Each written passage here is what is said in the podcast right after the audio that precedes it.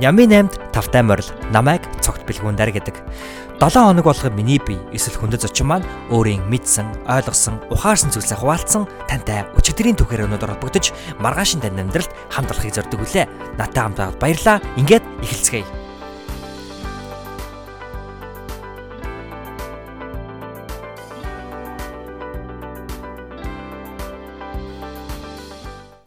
Сайн байцгаана сонсогчдоо. Инхүү Ямины подкастынхаа 29 дахь дугаарт тавтай морилно. Энэ удаагийн дугаарыг та бүхэн маань надтай адилхан маш тесэн ядан хүлээсэн гэдэгт би туйлын их итгэлтэй байна. Яагаад гэвэл хамгийн анх Ямин 8 гэдэг энэ хүү санаа маань өөрөө блог байдлаар та бүхэндээ хүрдэг байсан шүү дээ. Тэгээд улмаар 10 дугаар дугаараас ахуулан подкаст хэлбэр рүү шилжээд 12 дугаар дугаар дээрээсээ эхлээд би ер нь яагаад Нямын 8-ийн 8 асуулт гэж гаргаж ирээд тэдгээр 8 асуултыг зочид урьж оролцуулаад бусдын 7 хоногоос суралцаж та бүхэндээ хүргэж болохгүй гэж бодоод яг өнөөдрийн энэ хүү Нямын 8 гэдэг зүйл рүү ер нь бол шилжиж хөрөвсөн гэж хэлж болно тийм ээ. Тэгээд энэ хүү шин санааг хэрэгжүүлээд хамгийн анхны зочин болж оролцож байсан тэрхүү хүн бол бид бүхний дунд Франц ананд хэмээн танигдсан ананд найз маань оролцож байсан. Тэгэхээр энэхүү дугаар маш олон хүмүүсийн амьдралд гайхалтай эерэг нөлөө үзүүлсэнийг ананд бит хоёр сүүлийн өдрүүдэд их ойлгоод байгаа. Яг мэдээж хэрэг маш олон хүмүүс хандаж энэ хүү дугаар маань өөрөө хамгийн олон сонсолттой дугаар болж энэ 7 хоногт 8000 дахь сонsolтоо хүлээн авч тийм ээ маш олон хүмүүсийн сонорт хүрээд буй. Тэгэхээр мэдээж хэрэг андын маань мессеж маш олон хүмүүст хүрсэн. Гэхдээ хамгийн чухал зүйл нь мессеж хүрээ зогсохгүй хүмүүсийн амьдралд нэг ч болон хүний амьдралд тодорхой хэмжээний нөлөө үзүүлнэ гэдэг бол андын маань хувьд хийгээд гүүр нь олж байгаа миний хувьд бол маш чухал зүйл.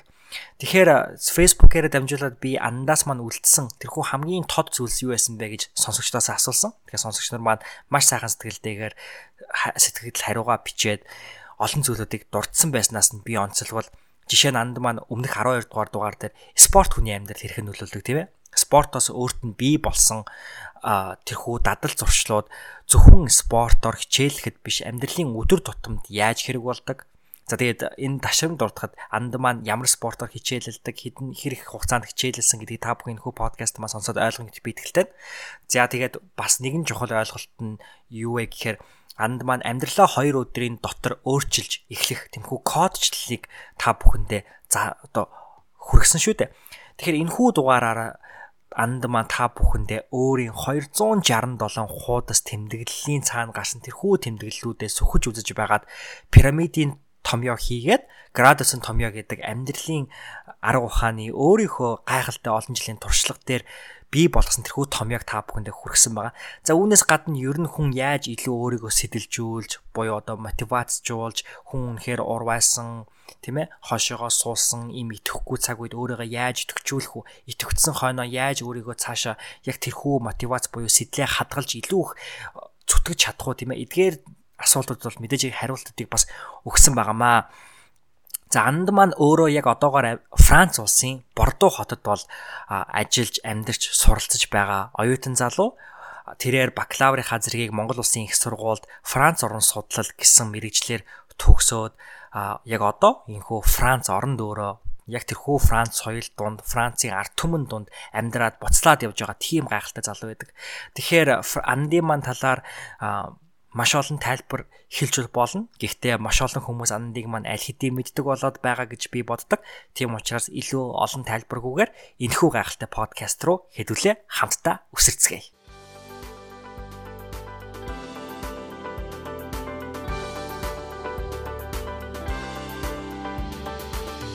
За энэ хүү манай Яминэн подкастын маань 29 дахь дугаарт Ананд маань хүрэлцэн ирж оролцоход бэлэн боллоо. Сайн уу Ананда? Сайн уу билгүнэ? За анантаа энэ оройн мэндийг хүргэе. За Францад яг орой болж байна. Америкт өдөр болж байгаа. Чамд өдрийн мэнд өргөе хүргэе. За тэгэлгүй яах. За мөн өнийг сонсож байгаа бүх хил сонсогч нартаа тухайн цаг үе мөчийн өдрийн мэндийг хүргье гэж. За тэгээ энхүү Ями 8 подкастын 29 дахь дугаараараа андтайгаа дахин золгож байгаа. Дахин золгож байгаа 17 дугаарын дараа буюу 12 дахь дугаарт маань ананд оролцож исэн. Тэгээ яг энэ 7 хоногт манай Няминэн подкастын хамгийн олон хандлттай дугаар буюу Андын ман дугаар нийт 8000 гаруй сонсогч нарын сонорт хурж, хүртээлд нь хурж тийм ээ нэгэн юм шинэ амжилтанд хүрээд байгаа. Тэгээ Ями 8 гэдэг подкаст маань өөрөө 8-ын тог бэлгшээдэг подкаст учраас яг 8000 гэдэг тоо их сайхан санагдаа. Тэгээ амттайгаа энхүү ярилцах цаг мөч хорон мөчийг бол их удаан тесэн ядан хүлээлээ. Тэгээд урилгыг маань хүлээж авсанд маш их баярлалаа. За подкастт ахиж өрсөнд бэлгүүнээд үнэхээр их баярлалаа. Тэгээд одоо энэ подкаст Монголд айгүй олон залуучууд сонсдог болсон биз. Тэгээд манай найзууд бүгд надтай холбогдоод энэ Нями 8 гэдэг подкаст ямар айтайхан юм бэ? Э, сонсож явдаг болсон дээ гэдэг чатлаад, кол хийгээд ярингууд дандаа тэгдэг болсон. Чиний подкаст ч айгүй олон хүнд хүрч байгаа юм. За маш их баярлалаа. Тэгээд олон хүнд хүрч байгаагийн шалтгаан бас өдөө зэрэгтэй гэдг нь өдөө зэрэгтэй гэдг нь яг 4 сар тасралтгүй тийм ээ. Антайгаа би яг 119 өдрийн өмнө бол подкаста гаргасан. Тэгэхээр 119 өдөр буюу барагцаагаар 120 өдөр гэдэг үл яг 4 сарын хугацаа. Тэгээ энэ 4 сарын хугацаанд 7 хоног болгон тасралтгүй гаргаж чадсны нэг хүчин зүйл бол анд бол өөрөө байсан. Яг тэгэхээр хамгийн түрүүнд анд маань нэг хүнд ч гэсэн сонсгож ивэл энэ гол утга учир нь шүү бити зогсоогоорой гэж болоод хэлж исэн. Тэгээд энэ хүү хугацаанд мэдээж хэрэг нэг хүн сонсоогүй тохиолдол байгаагүй ч гэсэндээ а мэдээж хэрэг тодорхой зарим үед бууж өгмөр үед байсан дээ. Тэдгээр үед данди маань хэлсэн мессежүүд тодорхой хэмжээгээр маш гүн хүчтэй нөлөө үзүүлж ирснийг бас энэ ч дуртхан зүйтэй ах. Тэгэхээр анддаа маш их баярлаа. Аа баярлалаа билгүнэ. Тэгэлгүй ах. Тэгээд би анддаа бас сонсогч нарынхаа өмнөөс бас би маш их баярлаа гэж хэлмээр байна. Яагаад гэвэл бид яг энэ хүү подкастынхаа өмнө ананд маань дахин оролцох байгааг фэйсбүүкээрээ зарлаад та бүхний амьдрал ер нь анд маань хэрхэн нөлөө үзүүлсэн бэ гэж асуусан байгаа тийм. Тэгэхээр өнгөрсөн 4 сарын хугацаанд зарим хүмүүсийн амьдралд ер нь яаж нөлөө үзүүлсэн бэ гэхээр жишээ нь одоо манай Ануун гэд сонсогч маань спорт бидэнд маш олон сайхан зүйл заадаг ба өөрөг даалгаврыг хэрхэн биелүүлдэг хүн илүү амжилтанд хүрсэн талаарх яриа сэтгэл их тод үлдсэн гэсэн байна. За тэгээ ганц цэг гээд ганц цэг сайна гэдэг сонсогч маань спортоор хичээснээр ихэлснээ заавал дуусгадаг болсон хийж байгаа зүйлдээ 100% анхаарлаа хандуулах хэрэгтэйг сурсан гихсэн байна.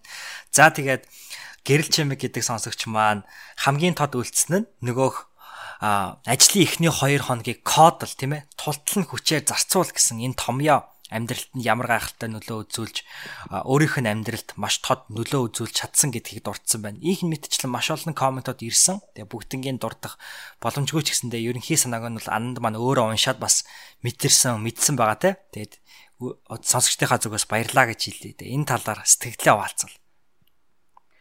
Аа би хэрэг тэр чиний тэр постыг хараад тэгээ тэр хүмүүсийн бичсэн комментүүдийг ингээ хараад сэтгэл Баярваа. Аа. Одоо хүмүүс зүгээр подкаст ингээд сонсоод өнгөрөхгүйгээр чагнасан байгаа байхгүй юу? Тийм ээ? Чагнж бүр хүлээж авсан. Тэгээ тэр нь сэтгэлд нь ингээд хүрээд тухайн үнэ бүр үйл үйлдэл бүр амьдралд нь ингэж нөлөө ямар нэгэн ингээд позитив буюу эрэг нөлөө гаргасан байна гэхээр гоё ч тий. А энэ болохоор чи бит хоёрын одоо хийж байгаа тэр үйлдэлийн ерөөсөө л үр дүн байгаа байхгүй тийм ээ. Зорилго бол айгүй энгийн байгаа. Одоо нэг ч гэсэн баг гэхгүйгээр тийм ээ. Олон хүн сонсох бол чухал биш. Яг хамгийн гол нь яг сонсыг одоо нэг мотивац хэрэгтэй хүн байдаг тийм ээ. Болгонд мотивац хэрэгтэй байдаг. Яг нэг хэцүүдэж явж идэг нэг үе байдаг хүн болгонд тийм нэг юм дотор хоосоо оргисон эвгүй мөрчтэй яахаа мэдхгүй ч гэдэг юм уу. Яг магадгүй тийм үедээ хүмүүс сонсоод те урам зориг аваад магадгүй тэр өмнө тулгарсан байгаа ямар нэгэн одоо асуудал нь хүн болгоны л асуудал хувь хүмүүртэл том байгаа штэ.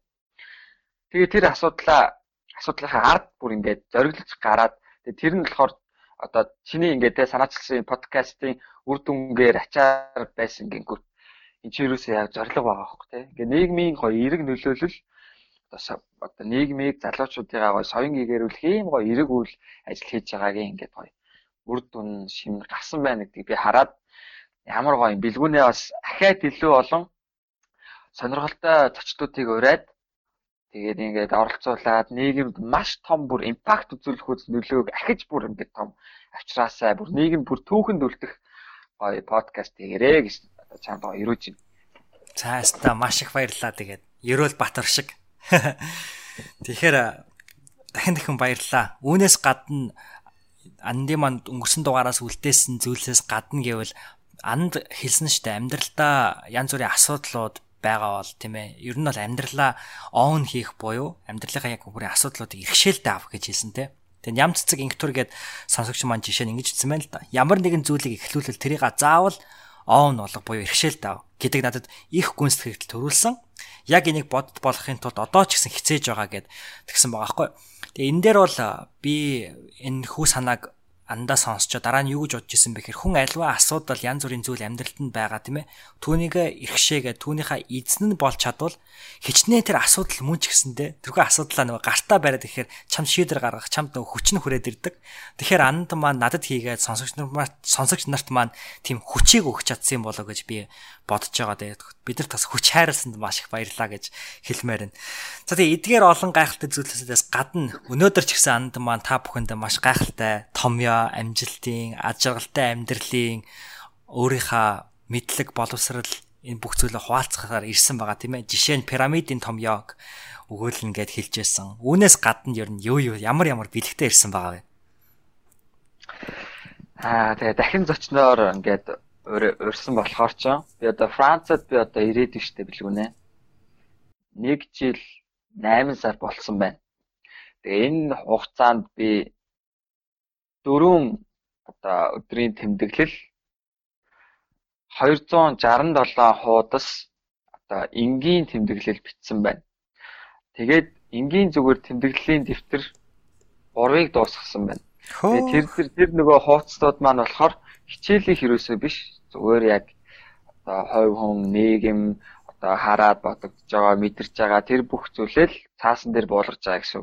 Зүгээр ингээд тэгвэл хөгжимчин хүн бол тэр хөгжмөөрөө ингээд одоо юуг гаргадаг штэ. Одоо мэдрэмжээ гаргадаг. Дуучин хүн бол дуулаад мэдрэмжээ гаргадаг. Одоо тамирчин хүн бол тэр их дотор байгаа тэр одоо гүн характераа бол одоо тэмцээн дээр гаргана тийм ээ. Хүн болгон өөр ингэсэн шүлэг одоо одоо бичдэг хүн бол шүлгээ бичээд онгодоо одоо илэрхийлэлээ гаргана. Би бол өөрийнхөө нөгөө нэг мэдрэмж гаргах одоо нөгөө төрлөө бол олцсон баггүй. Тэгээд тэр тэр дундаас би шүүж байгаад яг бүгдийн ч байдаг юм уу одоо гой гой яг бэстүүдийн бас яг өөртөө л үлдээж байгаа юм л та. Тэгээ яг тэндээс шигшээд өнөөдөр яг танилцуулгууднаас хоёр томьёог ахиж та яг энэ подкастаараа бас бэлэглэе гэж бодсон. Яагаад гэвэл чиний подкаст Монголын маш олон залуучуудад хүрсэн байна. Тэгээ би бас ахаад өшөө олон залуучууд бас энэ томьёог одоо мэдээсэ гэж бодоод бэлэг болгоё гэж бодсон. За маш их баярлалаа. Тэгээ 267 ватс дуусгасан гэхээр ямар гайхалтай юм бэ? Тэгээ тэр нь болохоор би одоо маа найзууд бүгд мэдчихэе. Намааг нөө юу яа. цагаан дэвтэр Өө нөгөө цагаан дэвтэр явж тэгээд яа тэр би нөгөө нэг юм бичгийн цаасан дээр дандаа юм бичдэг баг. Аа. Гийн нөгөө дэвтэр дээр бичиж яа бичихгүй бичгийн цаасан дээр бадгүй тэр нөгөө мөс нөө оюутны холбоонд байсан болохоор дандаа нөгөө бичгийн цаастай зуралдаг байсан л тийм баг. Тэр нөгөө нэг юм одоо юм нөгөө хавцууд шүү дээ бичгийн цаасаа тавьчихдаг дээрээс нөгөө бичгийн цаасаа хавччихдаг. Аа. Тим юм дээр ингэ биччихдэг баг. Тэгэл цаасаа ингээл тавиал тавиал тавиал явчихдаг. Тэр Тэгээд цагаан бичгийн цаасан дээр дандаа бичдэг. Тийм цаас. За. Маш сонирхолтой. За. Андын маань танилцуулгыг нэвтрүүлгийн өмнөх одоо интро дээр сонсогч нар маань сонссон байгаа. За тэгээ андыг маань угаасаа манай монгол залуучууд их сайн мэддэг болж байгаа өдрөөс өдөрт гэж би бодож байгаа. Тийм ээ? А тэгээд мөн анд маань өмнөх 12 дугаар 12 дахь дугаарт мань оролцож исэн учраас манай сонсогч нар бас сайн мэдж ин гэж бодож байна. Тэгээ энэ удаагийн маань асуултаа нэвтрүүлгээ би өөрийгөө танилцуулаач ээ гэж хүсэхдээ нэгэн арай өөр байдлаар өөрийгөө танилцуулаач гэж хүсэж байгаа. Тэр нь болохоор өөрийнхөө нэр мэрэгжил байгаа газар сурч буй зүйл эрхэлж буй ажил гих мэд зүйлсүүдийг дурдахгүйгээр манай сонсогч нарт өөрийгөө танилцуулна уу гэж хүсэх гэсэн юм. Сонирхолтой байна тий. Мм. Садан юм байна. Би өөртөө тэгж танилцуулж үзээгүй юм байна. Аа. Гэтэ амархан юм байна. Амар амар юм бэ. Аа. За чи сонс. Билнэ. Билээ. Хайрын бурхан Аман байна.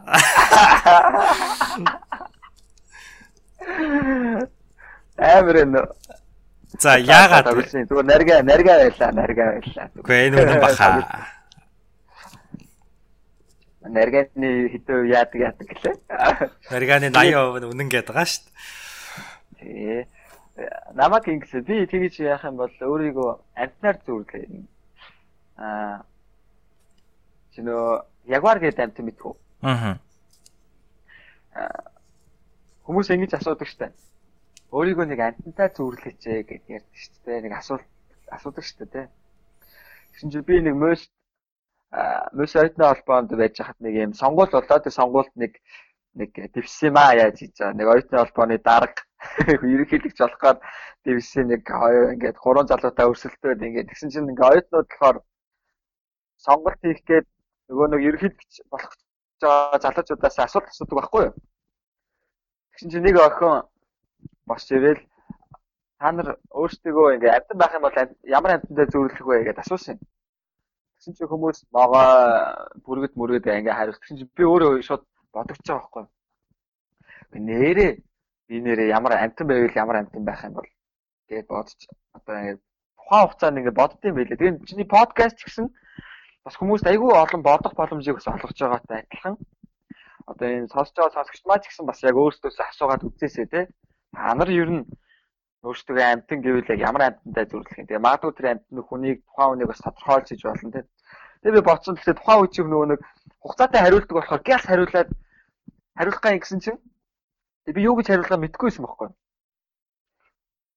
Тэгсэн чинь манай нэг протокол хурлын тэмдэглэл бичсэн нэг залуу шууд менеж хэмж юмснэ. Андаа чи ягвар гэсэн баггүй.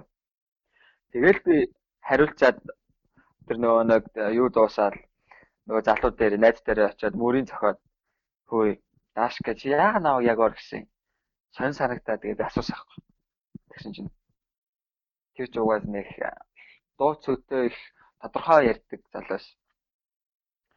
Ягвар гэдэг амтан бол авахыг хүсэн ангийнхаа араас дэлхий дээр хамгийн хурдтай одоо хамгийн хурдтай байдаг амьтан. Тэр ахыг хүссэн зүйлхэд л харт хамгийн хурдтай тэмүүлдэг амьтан гэсэн тий. Тэгээд тэгж шилхэд надаа ингээ миний хамаг би ингээл айгуу гоё асаад хамаг би жирс хийгээд тэгээд ягвар гэдэг амьтны тухаас ингээ судлаа тгий санагч. Тэгээ би яг энэ асуултанд чи ягвар гэж хариулмаар юм байна. Аа. Хүчний гайхамшиг болсон байх нь шүү дээ. Тий. За тэгэхээр би энэ хариултаа ч гэсэн ер нь санал нийлээд л байна.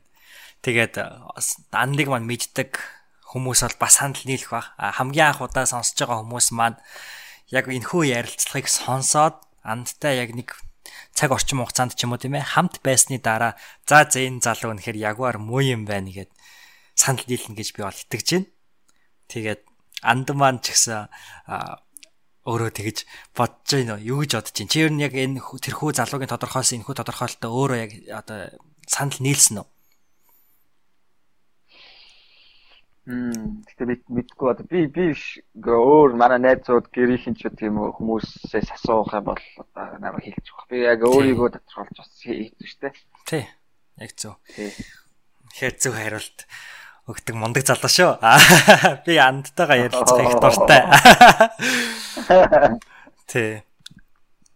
За тэгвэл хоёулаа андтайгаа ярилцах нөхөө сайхан мөчөд маань зориулж зөндөө олон хүмүүс асуулт илгээсэн байгаа тийм ээ. Тэгээд Нямын 8 гэдэг нэвтрүүлэг маань өөрөө бас яг үндсэн уламжлалт болсон 8 асуулттай. А гэхдээ уг асуултууд маань одоо хувьсаад өөрчлөгдөд бол явсаар ирдэг. А Тэгээд энэ хүү бас сонсогч нарынхаа асуултуудаас нэг асуултыг сонгоод 8 дахь асуулт болгохоор шийдээд өнгөрсөн дугаараас хэрэгжүүлж эхлээд байгаа. Тэгээ өнгөрсөн дугаарт маань Positive Mongolians төслийн төвшөө ах маань оролцоод яг тэрхүү одоо нэвтрүүлгийн хамгийн үн цэнтэй баг зөвлөгөөг яг тэр асуултаас 8 дахь асуултаас гарч ирсэн. Тэгээ яг тэрхүү зөвлөгөөг нь би яг гарчиг нь болгоод өгсөн байгаа хүмүүс маань мэдж байгаа. Цэмлэл магтаал хоёрыг хүлээж байгаа авч байгаа хүн бол зүгээр суугаагүй байдаг гэх тээ. Тэгэхээр би бол энэ хүү хүмүүсийн асуулт юу ямар мэрэгэн чухал гэдгийг бол өнгөрсөн нэвтрүүлгээс бол маш сайн ойлгосон. Тэгээ анд маань энэ удаагийн дугаарт бас ямар санал тавьсан бэ гэхээр 8 асуулт руугаа ороод Тэгээ хоёлаа дундуур нь бас хариулах боломжтой quick буюу одоо хурдан хариулаад явах боломжтой асуултуудад нь бас 8 асуулт хариулж явах явцдаа хариулъя гэж хийдсэн байгаа тийм ээ. Тий. Тэгвэл хоёлаа ингээд 8 дугаар 8 асуулт руу ирнэ ингээ сайхан орох уу?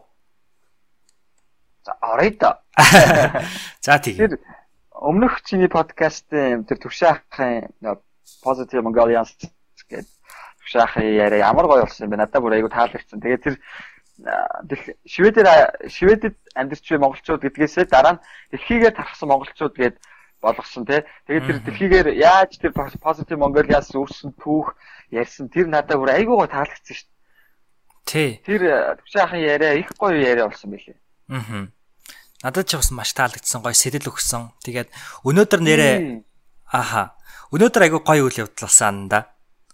Өглөө би сэрээд тэгээд өглөө сэрээд ингээ сэрчээ босчоо байжгаад утсаа үтсэн чинь инстаграмаар намайг нэг стори дээр таг хийсэн байна. Тэгээд манай Сэхэт ахагч дүүсийн холбооны гишүүн золоо маань чи таних бах стори дээр намайг таг хийсэн байхгүй. Тэгсэн чинь нөгөө нэг эфемер яг дүлгөөнөө өгч юм маань хөтэлдэг онлайн зөвлөмж нэвтрүүлэгт миний оролцсон дугаар гарсан байлээ яг өнөөдөр. Тэгээд Facebook-ээр ч гэсэндээ харин тий. Facebook-ээр ч гэсэндээ хүмүүс олоод сонссон биш сонсчоод тэгээд Facebook-ээр намайг олоод над руу бас хүмүүс ганц хоёр хүмүүс бас юм битсэн байсан те. Би айгу баярлсан те. Юунд хамгийн их баярлж байна гэхээр яг чиний хэлж байгаа шиг тийм ээ анх зүгээр шведүүдэд зориулж гарч исэн тэрхүү төсөл нь өнөөдөр дэлхийд даяар хүмүүс зориулагдаж бүтээгдээд тийм ээ. Дэлхийд даяараа монголчуудад зориулж бүтээгдээд тэгээ өнөөдөр бүр ингээд FM тийм ээ телевизээр ингээд FM-аар гарч ийна гэдэг чинь бүр ингээд traditional буюу уламжлалт медиа салбар руу одоо өнөөдрийн манай энэхүү соён гэгэрүүлэх салбарын контентууд урсаж орж ирж байгаа би бүр айгүйх баярлж байгаа байхгүй маш ихээр. Аа. Тэ. Тим санаатай. Тийм ээ. Наач өстой гоё мэдээ шүү дээ. Харин тийм. Аа, Positive Mongolians гэх нийгэмд бол үнэхээр эрэг нөлөө бол түгээж байгаа. Юм хийж явж байгаа хүмүүс тий. Тий. Тэгэл байх уу. Хамгийн гол нь тууштай байгаа хүмүүс тий. Айгуу гоё. Аа. Яг зөв. За тэгээ сонсогч нар маань ч гэсэндээ Positive Mongolian төслийг нь бүгдөө л мэдэх бах. Гэхдээ мэдхгүй ганц хоёр хүн байгаа бол заавал тэрхүү төслийг бас орж сонирхоорой. Блогуудыг нь үзээрэй, подкастуудыг сонсоорой гэж. За ингээ хоёлаа эхний асуулт руу орох уу? Тэгээ да. За. За ахтгаар асуултыг бол андмаа сайн мэдж байгаа ах. Бид энэ 7 хоногт тохиолдсон хамгийн талархам үйл явдал нь юу байсан бэ гэж асуух гэж байна. Тэгээд өнгөрсөн удаад оролцоход анд маань яг Франц улсад суралцах виза сонгуулсан тэрхүү торхон агшинд нь таарж исэн те. Энэ удаад ямар гайхалтай мөч тохиовоо. За энэ удаа маань э Бордотын монголчууд маань хоорондоо нийлээд одоо сая Монголд маань боллоо штэ. Аа зөвхөн надад биш байж болно штэ тийм ээ. Окей. Аа энэ Бордотын маань монголчууд хоорондоо Франц улсын Бордоотын монголчууд хоорондоо нийлээд Монголд болсон нөхцөлийн эсрэг жагсаал одоо хүч нэмж одоо гараа оролцуулж одоо дуу хоолойгоо одоо нэгтгэж аа зүгээр суухгүйгээр оролцоогоо нэмэгдүүлж хүмүүсийг урайллаа. Тэгээ эндийг би бүр үнэхээр их одоо талархаж баярлаж хүлээж авч байгаа. Яагаад гэхээр ямар нэгэн нийгмийн ямар нэгэн зүйл болохгүй байгаа шүү дээ. Тэгээд энэ зүйлийг аа өөрсдийнхөө төлөө биш өөрсдийнх нь амьдрал болж байгаа хүмүүс зөндөө байгаа шүү дээ. Болж байгаа ч гэсэн а бусад хүмүүсийн болохгүй байгаа амьдралыг тийм ээ тэрийг нь одоо засъя, фикси тэр хүмүүсийн амьдралыг бас репер хийхэд би өөрийн би бас өөрийгөө зориулъя гэж тэр хүмүүс бодож байгаа байхгүй. Хүмүүс тэгж одоо тэр чагсаалд ирж нэгдлээ. Эндээс илүү юм гоё зүйл хаа байх юм. А тэгээд тэгэнгүүт тийм бас өсвөр насны хүүхдүүд болоод бусад хүмүүс байгаа. Бусад хүмүүс сэтэл авч байгаа байхгүй юу? Билгүнэ. Тийм. Тэгэнгүүт бид нар уулзлаа л да энэ жагсаал болоод уулзаад хоорондоо ингээ ярьсан. Одоо ер нь сүүлийн үеийн Монгол залуучууд маань үнэхээр сэтгэлгээ бол одоо үнэхээр задарч байна. Тэгээд Францад бол ингэдэг байхгүй юу? ямар нэгэн болохгүй байвал одоо ямар нэгэн одоо чиний зөв гэж бодож байгаа зүйл чинь та одоо чам таалагдахгүй тэгээ угаасаа яг болохгүй тэгээ тэр зүйл удах юм бол одоо dangerous буюу аюултай гэж чи бодож байх юм бол чи бүр зүгээр үг дуугаа бослоор тэмцэх хэрэгтэй гэж байгаа. Босод хүмүүс тэмцэх хэсэг нь чамд хамаагүй гэж байгаа шүү. За ёо. Чи л босож тэмцэх чи. Чи ганцаараа орилж исэн чамаагүй чи тэмцэх гэж байгаа. Босод хүмүүс чамааг даах болно гэж. Яагаад гэвэл чи худлаа зүйл юм уу буруу зүйлийн төлөө а одоо тэмцээгүй чи өөртөө бүр нөгөө нэг чин ихтгэл үнэмшлэр чи тэнд нэгдэж штэ. Энэ хамгийн чухал гэж үздэг. Франц бол ер нь дэлхий дээр байдаг ийм тоо байд юм л. Дэлхий дээр байдаг хамгийн их олон тооны чагсаал болдог, эсэргүүцдэг, одоо эсэргүүцлээ илэрхийлж чаддаг ард түмэн бол Францууд гэж. Аа. Тэгээд энд байгаа Францад байгаа монголчууд маань бас сайнаас нь одоо үлгэр аваад тийм ээ. Одоо энэ жагсаалд оролцож байгаа байхгүй Бордоотын монголчууд. Зөв. Монголд байгаа залуучууд маань ч гэсэн би ингээд захиж хэлэхэд ер нь гадаад байгаа залуучууд маань бол ингэж одоо ингэж оролцоо байгаа ингэж байна. Тэгээ ер нь бол альва зүйлд оролцох бол үнэхээр чухал. Тэ. Одоо чухал гэж хэл шууд ингэж хэлэхэр хүмүүс нэг ойлгохгүй л тэ. За би тэгвэл хамгийн энгийн жишээ авъя заяа бишмүнэ. За. Намтаа нөхрөлийн клубд би За 4 5 жил ингээд хамт ингээд байгаад байсан байна. Манайхан мэдчихэе. Тэгээ Монгол тухайн үед ч одоо ном баг автобусын дотор уншаа хүн явж байгаа хүн байвал номын цагаан солиот гэж шаалдаг үе байлаа. Би өөрөө тэрийг биеэрээ мэдэрч одоо автобусын ном уншаад хичээл мичээл унш уншаад явангууд хүмүүс ингээд сонио хараад хоорондоо шивэр шивэр авир хийгээл номын цагаан солиот гэдэг байлаа. Одоо 2013 онд 5 жилийн өмнө. Аа дөнгөж сайхан шүү дээ. Тэгээд нөгөө Намтаа нөхцөлийн клубын одоо тэргүүн хүлэн гэдэг юм байна. Их саян гэгэрсэн одоо залуу байгаа. Одоо тэр манай ахмаа тэр юу яж ирсэн. Тэр клубыг үүсгэн байгуулад. Тэгээ бид нар ингээ клубээ өргөжлүүлж ингэж явсаар байгаа. Ерөөсө баг гэж болохгүйгээр ямар ч үсэн ном унших туртай хүмүүсийг одоо нөө сэтэлцүүлж байгаа байхгүй юу? Одоо бити одоо нөө Өөрөөр хэлбэл номын цагаас солиотой гэж шоолуулдаг хүмүүс зөндөө байсан байхгүй. Тийм учраас тийм биш шүү. А тэгээ ном уншицгаая хоббигоор хоорондоо нэг цэцгээсэн залуучууд. Тэгээ бид нар нэг өдөр жагсаал хийсэн. Тэс мэдж байгаа юу үгүй юу? Ааха, ном уншдаг жагсаал. Тэ? Тий. Аа. За хэдүүлээ юм бэ? 200 300лаа нийлээл тэгэл. Талбай дээр 50 жагсаал Монголд ч баг анхны 50 жагсаал хийсэн үү дээ. Тэгээ бид нар чи хоорондоо талбай тэр бүгд цугаал одоо нөө номтон би шууд мөсөөс тухайн үед оюутны албанд байсан зүгээр оюутнуудыг шууд лекцийн тахимд ороод багшнаас зөвшөөр багшнаа багшаа би бид ийм хийх байгаамаа одоо ингээд 50 жагсаал номтой одоо ном унши номын сан байгуулах гэсэн жагсаал хийж байгаа. Багш нар шууд гэж байна. Ийм гоё жагсаалд одоо оюутнууд та нар орцохгүй яхаа. Хичээлийг шууд таа те явцгаа таа. Үнэхээр оролцох хэрэгтэй гэж багш нар тэгж байгаа. Аа. Тэгээ ойдоо зарим нь яг тэ оролцох нь оролцоод оролцохгүй нэг нь зүгээр өө таслаад ингэ явж исэн хүмүүс байгаа л та. Яг нэг ихтгэл үнэмшлэрээ одоо чагсаал орж исэн хүмүүс энэ. Тэд нар ямар чагсаал байсан бэ гэхээр номын сантай болъё гэсэн чагсаал байсан байхгүй юу? Тэд нар чагсаалыг хийхэд зохион байгуулахад бас бас үнэхээр хэцүү байсан. Тэр хүнд цаг үе яг зохион байгуулж байгаа хүн л яг тэрийг мэдэрнэ. Аа одоо 10 жилийн дараах тэр залуучуудад зориулж хийгээд байгаа. Бид нар бол өөрсдөө бол өөрсдийн минь амьдрал болоод байгаа шүү дээ. Тэгээд босод хүмүүсийгээ одоо бодож тийм ээ тэр хүмүүсийн төлөө сэтгэл зовж зохион байгуулсан. Тэгээ ямар ч ард нь гардыг байгаа үстэй. Аа. Тэгсэн чинь чи бод та. Тэр нөө хоогийн бол юуны сайд соёл соёл шинжилгээ ухааны яамны сайд оюун гэрэл Тэдэм тамби оюун гэрэл сайд номын саантай ийм гоё жагсаал боллоо. Тэр чинь бүр ингээд Монгол Монгол даяараа ингээд жоохон бас жоохон оргилдог. Тэрний дараа нэгэн жилийн тий нэгэн жилийн дараа их засаг дээр 24 цагийн номын сан бий болоод түрүү жил Movies номын сантай болсон тий. Movies маш том номын сантай болоод Аа. Тэгээд тийм нэг бид нар өмнө тийм судалгаа гарсан байна.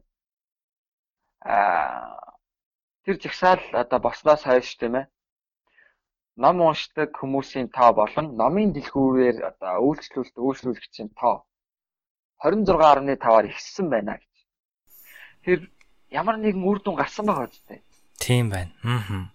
Тий. Тийм учраас ямар нэгэн зүйлд ингэж оролцоо айгүй чухал. Тэгээ монголчууд залуучуудаа таад үнэхээр гой зөрөгтэй байгаарэ. Тэгээ хий зөв гэж бодож байгаа зүйлээ төлөө үргэлж тийм гоё тийм бүр тийм ихтгэл үнэмшилтэй дүүрэн тэр одоо байр суурь өөрийнхөө үзэл бодолтой ингэж гоё бат зогсож байгаараа гэж би энэ уриалмаар байна. Тэгээ бусад одоо гадаад сурч залуучууд маа ч гэсэн тухайн орноосоо бас сайн зүйлийг суралцаад их орондоо бож суулгаасаа гэж би бас уриалж байна. Тэгээ манай Бордоотын Монгол залуучууд бол ах эгч нар маань ах эгч нар маань тэр тусмаа аягүй гоё дэмжсэн Тэгээ бас ингэ сайн зүйлээс суралцъя гэж ярьцгаасан. Тэр бол би үнэхээр талархаж баярлаж хүлээж авсан. Аа. Маш гайхалтай. Энэ Бордо хотод хэдэн монголчууд байна? Аа. Чиний баг хоёулаа гэдэг шүү дээ тий. Тэр хэлэхэд. Одоо 70 70 хүрэхгүй хаа нэг 60 эд хүмүүс байгаа хаа. Аа. Ер нь хоорондоо хэр ойрхон амьдарцгаадаг вэ? Зайтай байдаг уу? зайтай нь зайтайгаа ойрхон ойрхон байгаа. Гэхдээ гэтэл ер нь янз бүртэй. Аа. Гэхдээ ер нь ойрхон, ер нь ихэвчлэн ойрхон. Аа. За найз нь яг энэ үеийг тохиолдуулаад сонсогч нарынхаа зүгээс ирсэн нэг асуултыг шургуулад би бас нэг өөрийнхөө асуултыг асуухыг хүслээ л дээ. Тэгээд энд ингэж суусан байгаа. Нэр нь Солонгосоор байна. Тэгээд би орчууллаа. Сүүжин Ли гэдэг Солонгос нэртэй сонсогч маань ингэж суусан байна л да. Монгол хүн юм уу? Тий, монгол хүн. Өөр оронд ирээд амьдарч байхад бид нар уучлаарай баярлаа гэдэг үгийг их баг хэлдэг юм шиг санагдах юм. Энэ талаар юу гэж боддог вэ гэсэн байна л да. Тэгээд бид нар нөгөө Монголд яг одоо Франц дээрээ ажиглаж байгаа те өдрийг сайхан өнгөрүүлээрэ баяртай баярлаа гэл мөрөгчүүл уучлаарай ингээл үнэхээр харамсалтай байна гэл бүгдөө тийм сайхан өнөд хэлдэг те. Гэтэл бид нар ч гэсэндээ яг ингээд нийгэм донд нь ороод ирэхээр бас хэлдэг болчдөг те өдрийг сайхан өнгөрүүлээрэ гэдэг. Гэтэл би Монголд бол баг хүнд өдрийг сайхан өнгөрүүлээрэ гэж хэлэхгүй л ах баг. Гэтэ одоо очихоор хэлэх л ахaltaа яагаад тэгэхээр энэ нөө нийгэмд нь тарцсан учраас миний нэг хэсэг болцсон учраас. Тэгэхээр Бордо хотын хувьд ер нь монголчууд маань жишээ нь чэж өөрөөсөө мэдж байгаа. Ингээ монголчууд ер нь очисон газрынхаа усыг нь нуудаг тийм ээ. Усыг нь нууж байгаа учраас соёлыг нь дагдаг тийм. Тэрэндээ маш гаргуу тийм.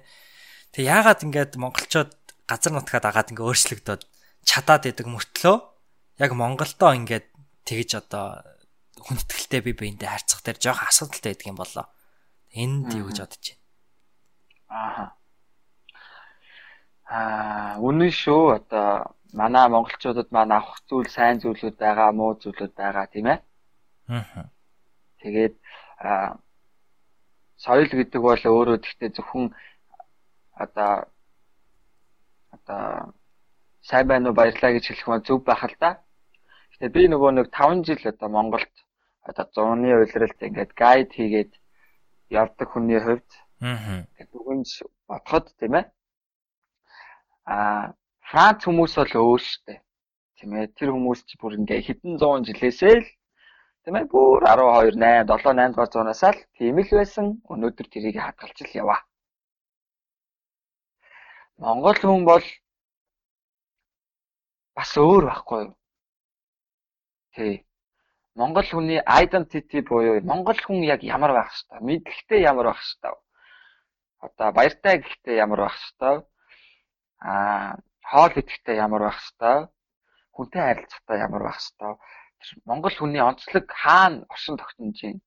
Магадгүй бид нэр өөр улсуудыг хэтэрхийг харж дагаж дуурайд дуурайгаад байгаа юм биш үсттэй гэж би бас тийм асуултыг бас асууя тэгвэл аа Тий. Заавал бүх улсуудын сайн зүйлүүдийг одоо юу гэдэг бүх улсуудыг дагах албатай юм уу? гэдэг асуулт.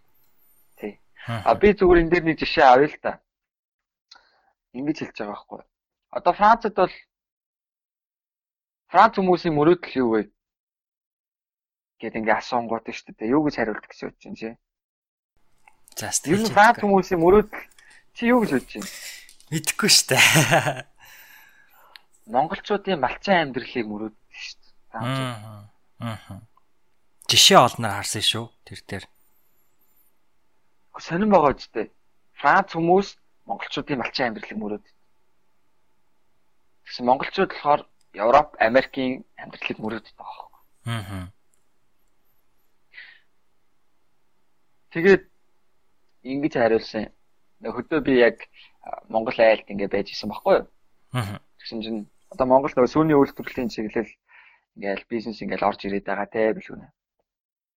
Тэгсэн чинь нэг Франц хүн ингээл тэгсэн чинь хэрвээ чи би тэгж асуусан баггүй Француудаас хэрвээ та засаг дарга байсан бол одоо энэ сумд юу хийх байсан бэ гэж би асуусан. За. Тэ. Чи бас энэ асуултыг бас өөрөөсөө бас нэг бодоод үзээрэй зэрэг. Хэрвээ чи сумын засаг дарга юм аймгийн аймгийн засаг дарга байсан бол чи ер нь юу хийх байсан бэ гэж. Тэгсэн чинь хариулаад дараа надаас асуусан байхгүй. Чи юу гэж бодож байна нандаа гэж. Тэгсэн чинь би бодсноо. Би энэ сүүний үйлдвэрийн фермер байгуулна. Тэгээ одоо энэ сум сумыг их соёлжуулна. Ер нь одоо ингээл яг л одоо энэ хэлж байгаа байхгүй юу? Соёлжуулна одоо энэ үйлдвэржлээ үйлдвэр байгуулна за тэгэл энэ сүрийн үйлдвэр байгуулад тэр сүүгээ гадаа ингээд зараад мараад тэгээд энд юу нэгцэн эмх замраатаа олгоод молгоод тэгэл үлгэрийн юм тэгэл өөрийнхөө тухайн үеийнхээ сэтгэлгээ тааруулаад хариуллаа л да. Тэгсэн чинь Пьер гэдэг нэртэй Франц залуу заяа. За. Залуухан 28 дал залуу. Тэгсэн надаас тэгж асуусан. Тэгвэл би чамаас нэг юм асууя.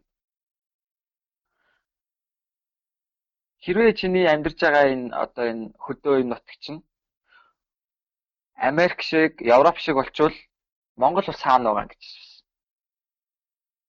Аа. Одоо copy of America ч гэх юм уу те. Одоо American copy, European copy from Монгол улс ингээд тэр хүмүүсийн copy канон олчих юм бол Канада айчих юм бол Монгол улс хаана вэ? Аа. Монгол соёл хаана вэ? Монгол соёл чи устчвал та нар юутай үлдэх вэ гэдэг байна. Монгол identity чинь хаана байгаа юм бэ? гэж тэр хүмүүний зүгээр нүднийг нь харцнаас асуусан. Тэгэхээр хөдөө байгаа одоо магадгүй миний подкастыг хөдөө байгаа хүмүүс сонсч иж магадгүй. Дэлхий дээрх сүүлийн номадик буюу нүүдэлчин амьдралыг авч явж байгаа Тэр нүүдэлчин амьдралын хэм маяг хүний заяа. Тэр нэг бордоод амьдэрдэг энэ нэг азаа гэдэг нэртэй залуу байгаа заяа. Зал үнэн өндөр нэг залуу байгаа. Инженер залуу. Тэгэж хариулсан шүү. Хүчрэл яага үүсдэг вэ гэж сая жигсаалтай холбоо яхад би асуулт асуусан чинь тэгсэн баг. Хүн өөрөө өөрийнхөө ёс зүйтэй зарчимтай байх юм бол хуулийн хэрэг байхгүй.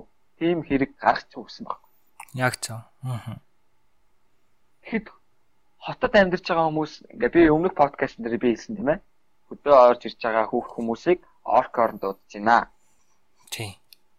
Тэр хөдөө амьдарч байгаа хүүхдүүд орк гэж дуудуулахаас санаа зовж өөрсдийгөө тэр үнд цэнтэй сайхан сэтгэл бүх зүйл рүү нулимж одоо тэрийг нь бас хотын залуучууд ингэж өгөөсөж чинь хамгийн боловсралгүй хүмүүс орк гэж дуудаж байгаа. Би гэхдээ тэрэн дээр их хэмзгэлж одоо ингээд чамддаг. Тэгээ хөдөөний малчин ах эгчнэртэй ойрхон байдаг хүний хувьд тэр хүмүүс ингэж надад бүр сэтгэлээд бүр ингээд бүр зурж агаад дата хэлдэг байхгүй уйлаа. Андаа хүүхдүүдийг маань хатад байгаа хүмүүс ингэж шоолоод тахана. Яагаад ингэж байгаа? Бид нэр яатсан гэдэг байхгүй. Аа. Тийм үстэй. Тэр хөдөө байгаа хүмүүс яатсан өөрхөн амьтад. Чин бэлгүүнээ чиний өвөө имээ, миний өвөө имээ хөдөө амьдраагүй юм уу? 17 8 20 дугаар зуунд ер нь Монголын бүх хүмүүс бүгд л хөдөө л амьдарч л байсан шүү дээ. Аа. Тийм учраас энэ хөдөөний хүмүүсийг би бүр хайрлж хамгаалмаар байна. Жинхэнэ Монгол ёс уламжлал нүүдэлчин амьдралын хэм маяг Монгол онцлогийг хадгалж явж байгаа хүмүүс бол энэ хөдөө амьдарч байгаа хүмүүс. Энийг гэхдээ хотод байгаа залуучууд угаасаа ойлгохгүй харин гадаадад амьдарч байгаа залуучууд бүгд одоо миний ярьж байгаа зүйлтэй санал нэг огшоод сууж байгаа. Аа. Тийм. Тэгээ би миний дотор сэтгэлдээ боддог зүйл бол энэ хөдөө малчин амьдралыг бүр ингэж одоо Францад бол нөгөө нэг ингэтэй patrimoine гэдэг англиар одоо одоо а cultural heritage гэдэг байгаа шүү дээ тийм ээ. Аа. Өв соёлыг хадгалж үлдэх гэдэг. Тэр Монголын өв соёлыг хадгалж үлдэх одоо бүр ингээ бүр яаралтай нэн тэргүүний зайшгүй шаардлагатай байгаа. Хэрвээ хадгалж үлдэхгүй бол Монгол identity байхгүй болоод ингээд Монгол улс одоо хин нэгэн өөр бусад улсуудын копи буюу хуулбар улс болчихж байгаа. Тийм учраас Монгол залуучуудаа урайлаг гаргахад болон гадаад залуучуудаа урайлаг гаргахад маш тэргүүний анхаарлын тэмдэг урталтаа Монгол соёл өв уламжлалаа үргэлж хайрлж хамгаалж бусдаас одоо харамлаж яваарай гэж би бүр захимаар. Аа. Тэглээсээ ундрагаж шилмээр тий. Аа. Тий дэлхий дээр бүр best бол Монгол соёл уламжлал шүү гэж хэлмээр байна. Түүхээ их сайн юм уншиж байгаа залуучууд бол бас санал айгүй сайн нэгдэж магадгүй тий. Аа. Тэгэл яах вэ? Манай ээж өөрөө зохиолч хүн штэ тий доктор хүн тэгээд ээжийн маань номон дээр хэлсэн нэг чухал санаа байдаг байхгүй. Нөхөө даяаршиж буй нийгэмд дангааршиж үлдэх одоо яг монголчуудын хамгийн нэн тэргүүний заавал туулах одоо зүйл тийм ээ заавал шийдэх ёстой зүйл гэдэг. Тэгээд эргээгээд энэхүү сонсогчийн маань бичсэн асуултанд би зүгээр бас андынхаа хэлсэн зүйл дээр юу гэж нэмж хариулмаар байна гэхээр өнөөдөр монголчууд биднэрт уучлаарай баярлаа гэж хүмүүст талархаж буй эсвэл үнэхээр харамсч буй сэтгэлээ илэрхийлэх нь багасаад арай бага байгаа ч гэсэндэ энийг гадаадаас хайхаас илүүтэйгээр Монголын яг андын маань хэлж байгаа тэрхүү өв боломжтой дунд үүнээс ч илүү гайхалтай юм байгаа шүү дээ. Жишээ нь монголчууд өнөөдөр амар мэд мэдхтэй жилийн дөрвөн улирлаас гадна өөр ян зүрийн байдлаар хүний амар мэндийг мэддэг шүү дээ. Дэлхийд дээр Монгол одоо яс уламжлалаас гад өөр одоо баг тэгдэг юу байхгүй бол гэж байгаа гэж би бол бодохгүй л байна маш олон өөр байдлаар л хүнд одоо амар мэндийг мэдж чаддаг тийм арт юм тийм үү. Тэгэхээр зэрэг гадаадаас ч юм уу бусдаас хариулт ирэхээс илүүтэйгээр өөрийнхөө авдрыг авах гэдэг нь маш зөв бах тийм ээ. Энд дээр сандал нийлж гин гэж бодож байна зөө. Тий. Зөв санал нийлж. Монгол одоо нэг ингэдэг байгаа хээгүү зан гээл тэгээд тааш та. Аа. Чин надад бол тэр би хээгүү зан би гэхдээ өөрөө бас айгуу дуртай. Аа Монгол хүн л байдаг байхгүй. Одоо Франц хэмцэр ганган дэгчсэн соёлтой зам бол Францууд байж болно. Энэ бол маш сайн зүйл.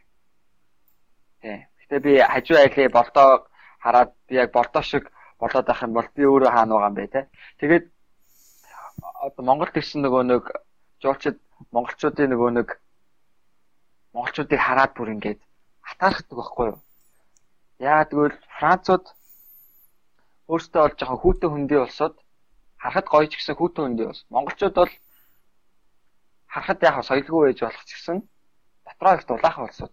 Аа. Би одоо жишээ нь хөдөө ингээд нэг малчаа айлт ингээ ороод сайн байна баха бид харин төөрчөөд гингүүд өө ахын дөө төөрчнө өө зайлын суурта цай ээж цай уугаал бид өөр чинь буу халаал зам зур юм яриа л те Тэгэл тэгснэ надад айрыг өгөөл тэгснэ аюу гой хамт дуу муу дуулаад тэгэл сайхан буу муу халж байгаа тэгсэн өө хоол хийгээд үг мөг гээл хоол хийлгүүлээл нөө жуулч гахад андаа чи наа үнэ тандим уу гэдэг.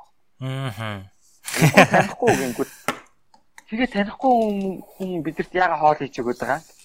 Танихгүй хүн яагаад чи ингээ чи ийм танихгүй хүн чи яагаад ийм таньдаг хүн шиг яриад байгаа гэдэг. Аа. Монгол хүний тэр их одоо өөр юм шиг хээгүү тэгээ тэр их Ерөөсөө бидний мэддгүү чанар гадаад хүний өнцгөр бол сонин гоё харагдаж шв. Тийм. Ганцууд байхгүй байхгүй хийж. Аа. Тэрийг л хэлээд байна тий. За маш гайхалтай. За тэгвэл хоёулаа ингээд хоёр дахь асуулт руу орох уу? Тэгье. За. Хоёр дахь асуулт маань энэ 7 хоногт сонсогч нарт маань онцлох ном бүтээл эсвэл контент юу вэ? Мөн яагаад энэхүү ном эсвэл контентыг онцолж байна вэ? За Аа за би энэ 7 хоногт болохоор энэ сайн ахаад холбож ярих юм бол хүчрэлтэй холбоотой одоо жигсаал болоод гэсэн. Тэрэн дээр ганц жигсаад өнгөрөх бол хангалттай биш гэж бодоод тэгээ өөрийнхөө зүгээс би юу хийж чадах вэ гэж би асуулт асуусахгүй өөрийнхөө зүгээс. Аа. Тэгээ би нэг баримт кино үзсэн. За. Тэгээ тэр баримт кино болохоор нөө 1 цаг 20 минутын одоо Францаар үтсэн л дээ. Гэхдээ тэр бол англи хэлээр бас байд юм байлээ. Угаасаа англи хэллийг нь францаар орчуул. Тэр болохоор хүн анх үүсээс үүсэх гисэнд одоо ихийнхээ хөвлөд төрхөөс хавлаад өөхөх хүртэл одоо бүх процессыг 1 цаг 20 минутанд харуулсан байгаа байхгүй. Ихийн хөвлөд юу нь яаж үстэй. Тэгээ дээрэс нь одоо хүний биеийн тэр элег, зөөрөх, одоо тэр судас одоо мэдрэлийн одоо эсүүд тийм ээ. Одоо үс яаж урах тийм бүх тал арж байгаа. Бүтэн 1 цаг 30 минутанд одоо нөгөө эрүүл мэндийн хичээлийг чинь л 1 цаг 30 минутанд зүгээр тултлаа хилцсэн байгаа. Гү нэрээ би бүр үдчихэд хүүх хүүх гэж бүр дотроо ганцаараа ингээл өөр өөртөө яриа суугаадсэн. Ингэдэм үү, тэгдэм үү гэл. Тэрийг би үтсэн. Тэгээд би одоо тэрийг үзэж байгаа болохоор өөрийнхөө зүгээс хүүхэд яаж бүрлдгийг харцлаа шүү дээ. Миний хайр хүрээд тийм их хөдөлмөр хүч тэр их одоо би бол 90 их нэртэй болоод ингэх юм бол би их нэрээ бүр аюу хайрлах юм гэдэг бүр бодож байгаа хөөх. Тэгээ би бас ээжигээ их хайрлаад хөөхий ээж минь намайг төрүүлэхийн тулд иш цаавас ямар их дотроосоо тэр гидсэн дотор процесс явагддсан бэ те өдөр болго хэдэн мянган өвсүүд яаж үхээ зэхээд гарч ирдیں۔ Тэгээ тэр бүх биеийн тэр процесс процесс солилцоо яаж явагдгийг хараад бүр би өөрсөн ээжигээ бодоод тэгээ болохоор хий тэгээд үдчихэж байгаа тохиолдолд тэгээ би одоо дараагийн удаа ахиж найзуудаа бүр дуудаж авчирч байгаа. Ирэх сард маа нэг найз өөр хотроо ирээ бочиж ирэх чад найзуудаа дуудаа гэхдээ ахиж үтгэж байгаа. Одоо өөрөөр хэлбэл найзуудаа нөлөөлж штэ. Аа. Тэгээд тэрийг үтцсэн хүн бол ахиж тийм хүчрхийлэл бол гарахгүй л тээ. Яг бол тийм хүүхэд тийм жоохон хүн ер нь өөртөө харцсан хүн чинь бас нэг өөр байгаа. Аа. Тэгэхээр хүний тэр humanity гэдэг сэтгэлгээг кино хөгжүүлж шүү дээ тийм ээ. Тэгээд одоо ер нь эрүүл мэндийн багш магш нар 10 жилд ингээл тиймэрхүү юм игээд тийм нэвтрүүлэг бас үзээд ер нь эрүүл мэндийн боловсрол ер нь маш чухал юм байлээ. Тийм учраас би одоо контент гэдэг үгнээс нь баримтат кино тэрийг санал болгоорой гэж би бол хэлмээр байна. Би 10 жилээсээ л баримтат кинонд айгуу дуртай байсан. Тэгээ хүний мууд зан ерөөсө тавигддгүй юм байна. Аа. Их сургуульд бас дандаа баримт кино үздэг байсан. Одоо Францад ирээд ч би бас баримт кино үзчих. Хүний мууд зан ерөөсө тавигдахгүй. Сайн зан юм биш үү? Тэгээд нэг тийм бай. За хоёр дахь болохоор за киноны хувьд бол нэг иймэрхүү байна. Би ер нь бол ер нь солонгос кино бол үзэж байгаагүй. Үзсэн хүмүүсийн зан характер одоо ер нь яаж өөрчлөлт гардаг би ер нь биеэрээ ингээ хараад мэдэрчлээ. Тийм учраас монголчууд найзууд за таньдаг хүмүүстэй л гэж захиа тий бүх монголчуудад яхаа тийм ээ таньдаг хүмүүстэй солонгос кино элдв янзын хэрэггүй кинод бити үзээрэй хүний сэтгэл зүд би өөрөө нөгөө нэг сэтгэл судлал судалдаг хүний хувьд хүний зан чанарт маш нөлөөл нөлөөлдөг шүү гэдгийг би хэлмээр байна. За тэгээ номны тухайд бол би өнгөрсөн 7 хоногт Виктор Хьюгогийн Шоптер хүмүүс гэдэг номыг Францаар нь уншлаа. За. Тэгээд Францаар нь ямар ч байсан уншаад тэгээ тэр ном маань болохоор хүмүүс бас монголоор нь уншсан баг л та. Классик ном. Тэгээ классик ном яагаад классик гэж нэрлэдэг юм бол билгүнэ? Тэгээ миний ажиглаад байгаагаар хүмүүс тэгэл классик гэхээр одоо жишээ нь Наполеон Хилийн нөгөө нэг сэтг баяж гэдэг ном байна шүү дээ тий. Тэр бол одоо хов хүний хөгжлийн классик бүтээл гэдэг байгаа шүү. Гэтэл тэр цаг үед гарсан номнууд зөндөө байна гэвэл байгаад байгаа байхгүй яг адилхан сэдвэр. Гэхдээ аль нь илүү одоо энэ хөө он цаг живүүд жавууд гэдэг гэдэг лөө давж туулаад өдний хүртэл үнцэндээ хадгалсан номыг классик гэдэг юм болоо. Одоо хүртэл яг хэрэгтэй те. Өнөөдрийн амьдрал яг одоо ч гэсэн хэрэгтэй 50 жилийн өмнө хэрэгтэйсэнтэй л адилхан 100 жилийн өмнө хэрэгтэйсэнтэй адилхан. Тэрийг хэлж байгаа юм болоо гэж боддоо ш найз нь. Яг үн чи ерөөс яг наадах чинь л хариулчихлаа. Одоо нэг классик дуу хөгжим одоо классик сонгодог тийм ээ. Одоо урлаг сонгодог ном классик яагаад гэдэг гэхээр бүх цаг үеүүдэд яг давтагддаг байдаг зүйлийг тийм ээ. Тэр бүх асуудлын түлхүүрийг түлхүүр нь байдаг учраас классик гэж нэрлэдэг. Тэгээ Францын классик ном шавдар хүмүүсийг би одоо Францаар нуушч үзээд тэгээ тэр нь болохоор нийгмийн давхарга. Одоо энэ хүмүүс ингэдэг чинь би яагаад ядуу төрөөд байгаа? Миний амьдрал яагаад болохгүй байгаа? Хүмүүс ингэж өөрөөсөө асуулт асуудаг штэ тэгээ тэрний хариултыг бол өгсөн ном. Нийгмийн давхарга. Дээд доод дунд дундаж ний aalч цаг үед Аристотелоос ахуулаад өнөөдрийн тийм ээ Дональд Трамп хүртэл бүх цаг үеүүдэд нийгмийн доод дунд давхарга байсаар л ирсэн тий байхч болно тий гэдгийг тайлбарлсан маш агуу ном. Тэгээ хүний тэр зовлонтой мөрчлөлтийг яаж туулж гарч яасан бас ингээд зөвхөн хорчин атаж дөтөө хүмүүс байдаг штэ. Тэр угаасаа айлч цаг үед байсаар ирсэн байхч болно гэдгийг бас харуулсан ном. Тэгээд чи хамгийн сүүлд гарсан сая нэг downsizing гэдэг кино үзсэн үү? А тий үзсэн. Үзсэн үү? Тэр дээр бас гарч байгаа шүү дээ. Хүний тэр нийгмийн давхархыг айгүй хот харуулж байгаа. Бүх хүмүүсийг жижигрүүлснэ.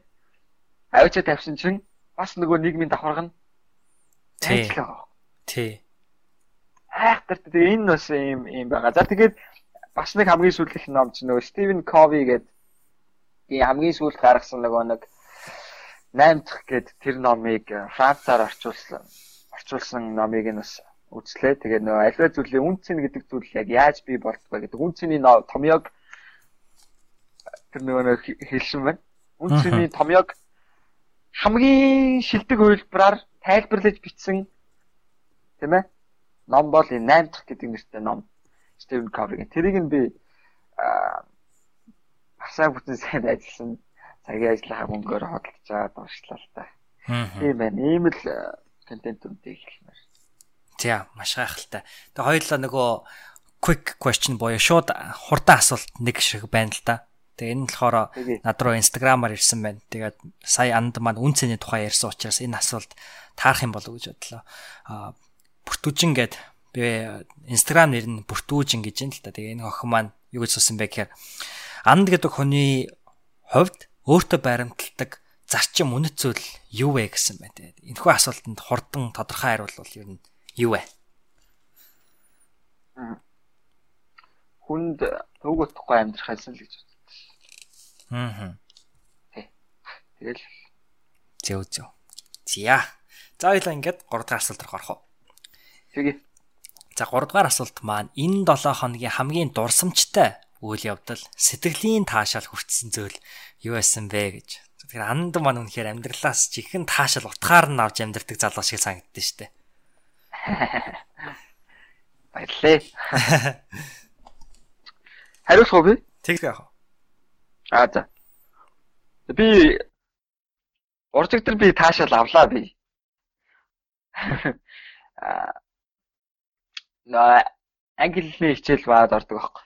Тэгсэн чинь презентацийн танилцуул гэдэг 2 7 хоногийн даалгавар бидэрт өгөөд тэр презентацнэрээ одоо бордоо хот оюутны кампусын амьдралын тухай судалгаа хийнэ гэдэг судалгаа хийгээд судалгааныхаа хариуг танилцуулна гэдэг. Би нэг энд Франц охинтой хамтдаа нэг баг болоо тэгээд харилцуулаад тэгээд тэрэн дээр нэг сэтгэлийн таашаал бол авлаа л та тэгээд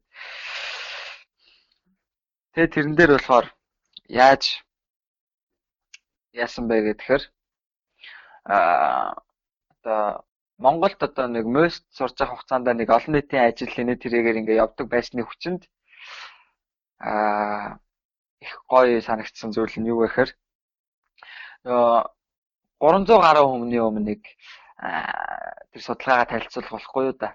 Оюутнуудын өмнө. За. Франц оюутнууд ч болохоор нөгөө нэг айгүй ичимхий. Тийм яг айгүй ичимхий байхгүй юу? Тэг хүмүүсийн өмнө хүмүүс төгдрээд гацаад тэгээ дээрэс нь одоо ингээд айгүй ичингүүрээ нөө хэлэх цаа санаагаа ойлгуулж чадахгүй олон хүмүүс хараад балмагтаад ингээд тэгээд тэгсэн манай нөгөө нэг охин бит хоёр гараад тэгсэн чинь манай нөгөө охин чинь гарч ирээл гацсан. За. Хөрх янта. Тэгээд гарч ирээ гацаа. Тэгээд тэр чинь 30 минутын танилцуулгыг аваад гарахгүй юу да. Тэгэл тэрэнд чинь нөгөө хүмүүсийн чинь би инээлгээд яг тэр тайзан дээр ингээ юу яжсэн. Аа ерөөсөө тэр тайзан дээр байгаа юм ерөөсөө байдалд дагуулсан би. Аа. Тэг би энийг юутай холбож хайрлуулах вэ гэдэг би таймнатай нэг лайв хийжсэн шүү дээ. Тий. Тэгэхээр би зуршлын тухай ярьсан тийм үү? Тэгсэн. Тэр нь зуршлын тухай яриан дээр юу гэж гардаг вэ гэхээр хүний хуучин зуршил сэргэхтэй амархан гэж. Аа. Ойлгож байна. Аа. Хүний хуучин зуршил хэрвээ чи муу зуршилтай бол тэр зуршил чинь ч гэсэн сэргэхтэй амархан. Яагаад хүмүүс эхнэр авахта удмын саар гэдэг вэ гэхээр хүний угаасаа л хуучин зуршил сэргэхтэй маш амархан байдаг. Сайн зуршилтай байсан ч тэр нь ч бас сэргэхтэй. Тэгээд би ингэсэн би тэрэн дээр ямар ч бэлтгэлгүй орсон мөртлөө би яг л нөгөө most би ингээ олон нийтийн авир хэмжээ зохион байгуулаад хүмүүсийн өмнө гараал ингээл ингээл тийм ээ share хийх одоо хүмүүстэй доторх юм хуваалцах туртай шүү дээ. Яг тэр маань өөр ирэхгүй гараал цохилт өгөөл гараал ярихад ямар ч асуудал руу гараад ичих. Нөгөө охин чи ямар хүмүүсийг инээлгээд ямар ингээд хүмүүсийн юм санаа зовхгүй ярьдсан бэ гэдгсэн баггүй. Аа. Тэгээд би чамаас ингээд аюу гой урам авчлаа. Би дараагийн удаа би амар гой чам шиг ингэж ярих юм байна. Би бас надад амар гой ихтэй болчлоо гэдэг. Тэр охин намайг ингээд тэрврээд аа за. Тэрврээд тэрврээд аа. Тэгээд тэрэн дээр юу гэж батсан бэ гэхээр хэрвээ би өөрөө хичих юм бол бусад хүмүүс ч гэсэн хүмүүс ч гэсэн баг зэргийн нөлөөлөл үүсэж байгаа байна. Аа. Тэгээ тэрэн дээр ингээд таашаал ингээд авсан. Тийм учраас одоо би Францад ирэнгүүтээ тийм болчоогүй байхгүй. Аа. Тэрний одоо нөгөө нэг үр шимийн Монголд ингээд тарьсан байгаа байхгүй. Монгол тариал ингээд хөөх тэнцээ тэнцээл ингээд Монголд ингээд олон амир гүүгэлсэн хүмүүс амир худлаа идэвхтэй яасан яасан гэл тэ аюу их ярьдаг л бас. Тэрийг таахгүй зүгээр би өөрөө гоё ярьдаг болч болч олон хүмүүсийн өмнө одоо тэ нүрэ харахгүй гэдэг болоо тгийг аль амир ингээд мөрөгдөлтөд автаал яваад исэн баг. Тэрний ингээд үр шим нь яг Францд ингээд гарсан байгаад би айгүй ингээд бэлгшээгээд альва зүйлийн одоо тарьсан үр маань 5 6 жил 7 жилийн дараа ер нь юм байна. Ямар нэгэн байдлаар л чи тэгэл подкастаа чи тийм ээ үргэлжлүүлээлээ. Ямар нэгэн байдлаар чи нэг өөрийг мэдхгүй л өөр төвшөнд очсон байгаа. Аа. Тий. Бусад үеийнхнээс тасарсан тасарсан байх өдөр нэг өдөр ирнэ. Ямар нэгэн пиано хөгжим сурж байгаа бол тэрийг зүгээр сураал, бест болё гэж бол сураал. А ямар нэгэн мэрэгчлэр одоо байгаа оюутнууд хичээл хийж байгаа дээ. Аа. Тэгсэн мөртлөө ингээл үр дүн харагдахгүй сарнсан байгаа ч гэсэн хамаа байхгүй чи тэрийгээ зүгээр сайн хийгээд. Тэгэх юм бол тэрний үр дүн чинь маргааш гарахгүй нөгөөдөр гарахгүй 5 6 7 жилийн дараа гарна гэдэг санаа хэлэх гэдэг. Тэрний дараа л хүн сэтгэлээ таашаа таашаалаа. Сэтгэлийн таашаал бол амархан бол ирэхгүй үдэг л би одоо хэлэх. Аа. Анд маань жишээ нь Америкт ирэх гэж биш Америкт уучлаарай. Францд ирэх гэж. Америкт амьдрах. Францд ирэх гэж тийм ээ. 6 жил баг зарцуулсан гэдэг жисэн те. Тэгэхээр энэ 6 жилийн хугацаанд бол за соёлтой танилцсан, хөлийг нь эзэмшин. За тэгээд 300 гаруй хүний өмнө тавиад гараад илтгэл тавиад зогсохгүй бүр тэр хүмүүсийг инээл гэж бүр байлдан дагуулж чадчих гэж жишээ тэр хөлийг Франц хөлийг бүр одоо командлж байгаа байхгүй. Удирдах чадж байгаа байхгүй. Тэгэхээр энэхүү сэтгэлийн таашаалыг мэдрэхийн тулд анд маань ч гэсэн өөрөө яг энэхүү Франц хэлийг сурахын тулд тийм ээ илтгэлэг тавих чадвараасаа гадна бас ийм олон жилийг зарцуулсан байгаа надад маш бахархалтай байна. Тийм. Тэгээд нэг асуулт байна. Нөгөө хурдан асуулт шүү. Тэгээд ганчиг норов гээд сонсогч маань дараах асуултыг үлдээсэн байна л да. Тэгээд энэ асуулт нь яг чиний энэхүү ярьсан зүйлтэй холбож болох юм шиг санагдлаа. Яагаад үг гэхээр мэдээж хэрэг бас чи тэр хүмүүсийн өмнө одоо тухайн өдрөө чи гоё ихтүүлээгүй тухайн 7 хоногоо гоё ихтүүлээгүй ингээл урваагаа явж исэн бол чи магадгүй тэр хэмжээнд тавьж чадахгүй байх байсан баг те.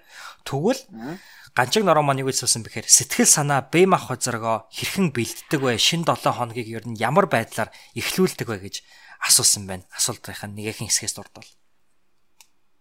Тийм ээ. Би өглөө эрт ирсэн мөч орой унтахын өглөө эрт цэрээд эхний цаг, орой унтахын эхний нэг цаг хоёрт бүр дээд зэргийн анхаарал хандуулдаг. Эхнэртэйгээ харилцаж байгаа юм шиг л одоо тийм анхаарал хандуул. Хүүхдтэй харилцаж байгаа юм шиг л тийм одоо чухал гэж үздэг. Тий. Зя. Тэгж гэл маш гайхалтай. За тэгээд сэтгэлийн таашаалын тухай ярьж байгаа учраас дахиад нэг хоёр асуултыг би нэмээд нэг хурдан хар асуултанда нэмчээ гэж бодож байна. Тэгээд Францын тухай ярьсан чинь ер нь Францад очивол заавал очих очиж үзэх ёстой газруудыг нэрлэж өгөөч гэж ням цэцэг инхтөр асуусан байна л да. Би тэгээд Парис гэхээр бүгдөө мэддэг бах те. Парисаас гадна ялангуяа Бордо хотод гэж би асуухыг өгслээ. Тэгээ манай сонсогч маань даваг тэгж суусан доочлаараа гэхдээ Парисыг одоо Эвлийн цавхаг гэх хүн хинч хэлж чадсан шүү дээ тий. Ласиан горл гээл тий. Тийм учраас өөр газрын гоё газраас дурдвал. За. ерөөсөл Франц гэвэл шүү дээ тийм ээ. Аа. Чинь нэг гоё ресторан төсөөл заяа. Тэгээ Франц ресторан чинь терраста буюу гадаана нөгөө нэг сандалтай гэж тавьдаг. Гадаана сандал тавиад Парист ч байсан, Бордод ч байсан заяа. Хэрвээ Франц та нар ирэх гэж байгаа бол аа яг тийм ресторанууд байгаа зав. Яг Франц цаг бүртээ. Франц identity буюу тэр онцлогийг хадгалсан. Тэрний гадаа суугаад тэгээд нэг wine юм уу кофе. Гэтэ Франц кофе өөр шүү. Монгол Монголд байгаа тэр кофе мөвтэй ярилдаггүй шал өөр юм. Тэгэд суугаад тэгэл нэг гүн амьсгаа аваад тэгэл нэг сайхан метр тэгээ дуртай зүйлээд тэгэл нэг төсөөлөд нэг үзээрэй. Тэгэхэд тэр авж байгаа мэдрэмж нь бас нэг өөр ээж магадгүй. Аа. Тэгээд бордоо хотод ирэх юм бол юу яа? Уусаа ойлгомжтой. Вино юу? Эсвэл Худалдааны маркет. Аа за за за. Ой. Айхтар. Айхтар. Хайрын бурхан андтай уулзах хэрэгтэй. Хайрын бурхан андтай уулзах хэрэгтэй. Цагаан цаасан дээр нь очиж бичих хэрэгтэй. Бичих хэрэгтэй. Ягуартай хамт давхих хэрэгтэй. Давхих хэрэгтэй. Би давхуулъя шүү. Аа. Тий. Зя маш гайхалтай. Тэгээд за ингээ энэ дээр хальт нэг юм хэлчихээ. Та Францад ирэх юм бол аялахаар ингээ байх. Ер нь ингээ аялахаа ингээ явж байгаа байх юм бол шүү дээ. Би ингээ хурдан ярьчих заяа. За. Ер нь тухайн газар хаа зүгээр. Бүр ингээ бүр зураг гоё филдэж л яваарэ гэж тийм. Сэтгэлийн зовлон тамтай бит яваарэ гэж. Яа тэгэхээр Францад ингээд амьдарч байгаа болон Францад ингээ Парист ингээ ингээ ирсэн хүмүүс зарим хүмүүсээс би айгүй олон хүмүүсээс ингэж сонсоод яасан гэж чи Парис бол өстө бохор газар Парис бол ингээ харууд ихтэй бай. Тэгээ Парис бол одоо утаа ихтэй төвчрөлтэй англи бүр ингээ гэж чам. Юу вэ те? Парис ч дэлхийн зуучны номер 1 газар дээрээс нь одоо тэр чи үзэж харах юм ихтэй дэлхийн түүхэн газар тэгээ дээрээс нь тэр чин дэлхийн бүх философи, уран зохиолч, зураачдын бүр энерги болсон ийм гоё газар те. Хүн болон Парис үзэж байгаа тийм газрыг бүр негатив болгож ярьж байгаа байхгүй юу тийм ээ. Тэгэж бити тийм тийм сонирн бити байгаарэ. Тийм учраас тэр газар ямар ч газар заяа. Одоо чамд сул тал байгаа, давуу тал байгаа, над одоо сул тал байгаа шүү дээ. Би тэрийг мэдж байгаа. Тийм учраас Парист байгаа тэр гой газрын үзий, гой филдил гэж ирээрээ. За. Мэр байна. Тэ. Аа. Тэргүүн жаргал гээд сонсогч маань Франц хэл дээр хамгийн армантик кино санал болгоол гинэ. Манай X биш. Франц хэл дээр хамгийн романтик кино бол нөгөө нэг Лах Дэмэ гэж байгаа. Ойлгосноо? Хайрлах хорлог гэдэг штэ нэг тийм кино байгаа. Тэгээ тэрийг үзээрэй. А тэгээд Jeu d'enfant буюу хүүхдийн тоглоом гэсэн нэртэй бүр дэлхий дээр алдартай. Англиар би юу гэдгийг би мэдэхгүй байна. Гэтэ тэр айгүй алдартай. Аа кино. А тэгээд гурав дахь кино болохоор Амели гэдэг нэртэй кино мэдхүү. Үзчихсэн үү? Сонсчихсан байж магадгүй. Би чам руу юу яа. Хоёлаа нөгөө нэг энийг тавьдаг штэ тий блог дээр. Тий. Тий. За тий. дээрээ бичээд тий. За тий. За за тэгвэл хоёлаа ингээд эндээсээ дөрөвдүгээр асуулт руу орох уу? Тэгээд да. За дөрөвдүгээр асуулт маань энэ 7 хоногоос онцлог дадал зуршил dig рутин тань юу байсан бэ гэдэг асуулт. За энэ энэ болохоор сая нэгд өдөр Францын Бордо хотод Тэгэл бордоод бордоод би хүмүүс аргид ямар ядаргаата бордоод гэдэг бэ гэж байгаа. Гэхдээ би ихтэй баярлалтай штэ. Би бол Бордо хотыг чамаас анх сонсч сурч ирсэн те дэлхийн хамгийн вайны одоо буюу виноны төв зэгүүдийн нэг одоо хамгийн урт худалдааны төвгсөн тийм ээ Европод. Тэгээд хажуудаа гоё хитгэн минут яваад далайн ирэг дээр байдаг. Айгүй гоё хот санагдаад байгаа байхгүй. Тэгэхээр би бол Бордо хот тэр нь дурлаа л байгаа шүү. Тэгээд нэг Disney шиг харагддаг цайз те. Тий. Тий. А Бордо хот бол бүр үлгэрийн хот. Би 2015 онд Францаар тойрсон шүү дээ. 15 онд 3 жилийн өмнө. Бүх том том хотуудаар нь тойроод суралт би нөгөө нэг бүх их сургуулиудыг судлаад тэгээд очиж үзээд ингээд бүх хүмүүсийн ингээд судалж үзэж байгаа Бордо хотыг сонгосон л доо.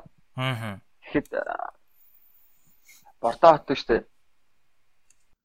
Уламжлал орчин үеийн хоёрыг хослуулсан буюу аа хамгийн одоо тийм хариуцлагатай болоод ухаантай хот гэж тодорсон Францтай. Тэгээ Европт болохоор European Best Destination 2014 17 онд хоёр удаа тодорсож бодлоо. Европын Best Destination гайхалтай. Бордо хот. Парис биш дээ. Аа. Яагаад гэвэл гэсэн чинь Бордо хотын нөгөө нэг барилгууд болохоор архитектураа яг нөгөө хуучин old traditional стилээ болохоор хадгалсан. Тэрийг ингээ устгадгүй. Энэ бол бидний онцлог, бидний гайхамшиг гэж үздэг. Тэгээ хажуугаар нь шин зүйлүүдээ бас ингээ давхард ингээ барьдаг. Гэтэ шин юм барихдаа дандаа хуучинтайгаа тэр хотын онцлогийг харуулж барьдаг. Архитектурын шийдэл гаргадаг. Хүмүүс нь нэштэй Парис болохоор нөгөө олон улсын хот болсон учраас ингээл янз янзын хүмүүс байдаг. Тийм ээ. Франц руу орж харахад яг ингээ бас аяг хэцүү. Бордо хотод болохоор яг чи Франц цэвэр Франц хүмүүсийг олж харна. Яг Франц хүмүүс яа. Тий.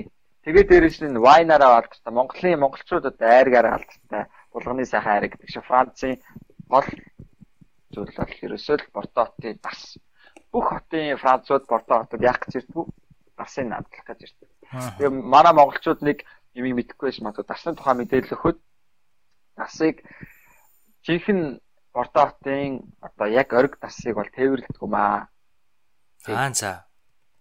Тээвэрлэдэггүй. Одоо та өөр хотоос ачирч байгаа бол тэрэнд нь амт өөрчлөлт орсон. Би одоо Европын хамгийн том дасны музей манай хотод байдаг. Дасны музей ороод ер нь дасны тухай судлахад тээвэрлэлтийн явцад шууд тэр бодит натурал амтанд нь өөрчлөлт ордог. Аа.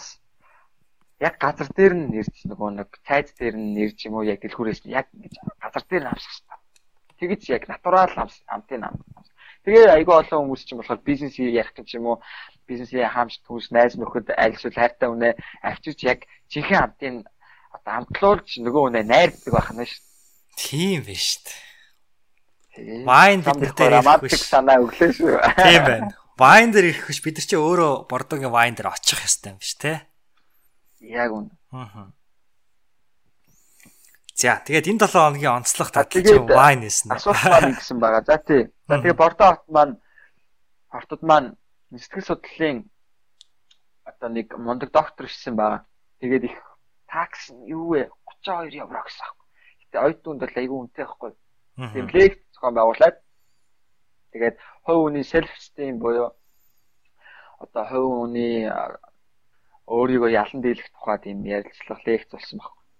Аа тэр лекцэнд би шууд бүр ингээл шууд л мөнгөө зүгээр гаргаал өгсөн.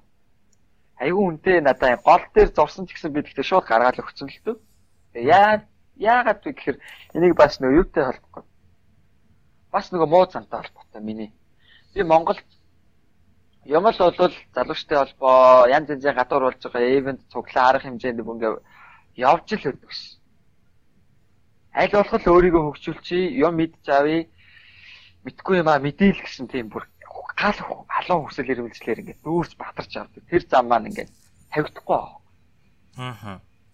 Тэгээд Монголд би ингээд бүх лекцэнд ингээд суудаг байсан нэвтрүүлэг баримтат кино ингээд дандаа тийм шин сод нэвтрүүлгүүдийг үзье. Хүмүүс юу гэж юм дэлхийд дээр юу болоод байгаа ингээд хайж явдаг байсан. Энд ирэнгүүд би бас яг тийм гэж. Би одоо Монголд Францд ирээд Француудын лекцүүд ингээд аюух сонс сурж байгаа Аа нэвтрүүлгүүд аягүй их ингээ үзэж тийм ээ. Ингээ Монголд үүдэг гэсэн ингээ. Тэгэхээр хүмүүс яасан бэ гэхээр өчигдөр маа нэг найз маань залгаад яриад ингээ яриан дундаа тэгсэн баг.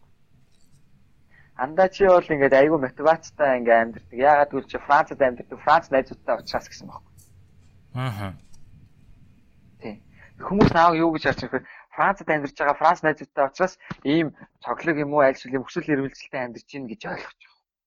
Аа. Бүр найз маань тэгж ойлгож байгаа. Тийм учраас энэ маш буруу ойлгож байна. Тийм биш. Би Монголд байхдаа ч би тийм байсан.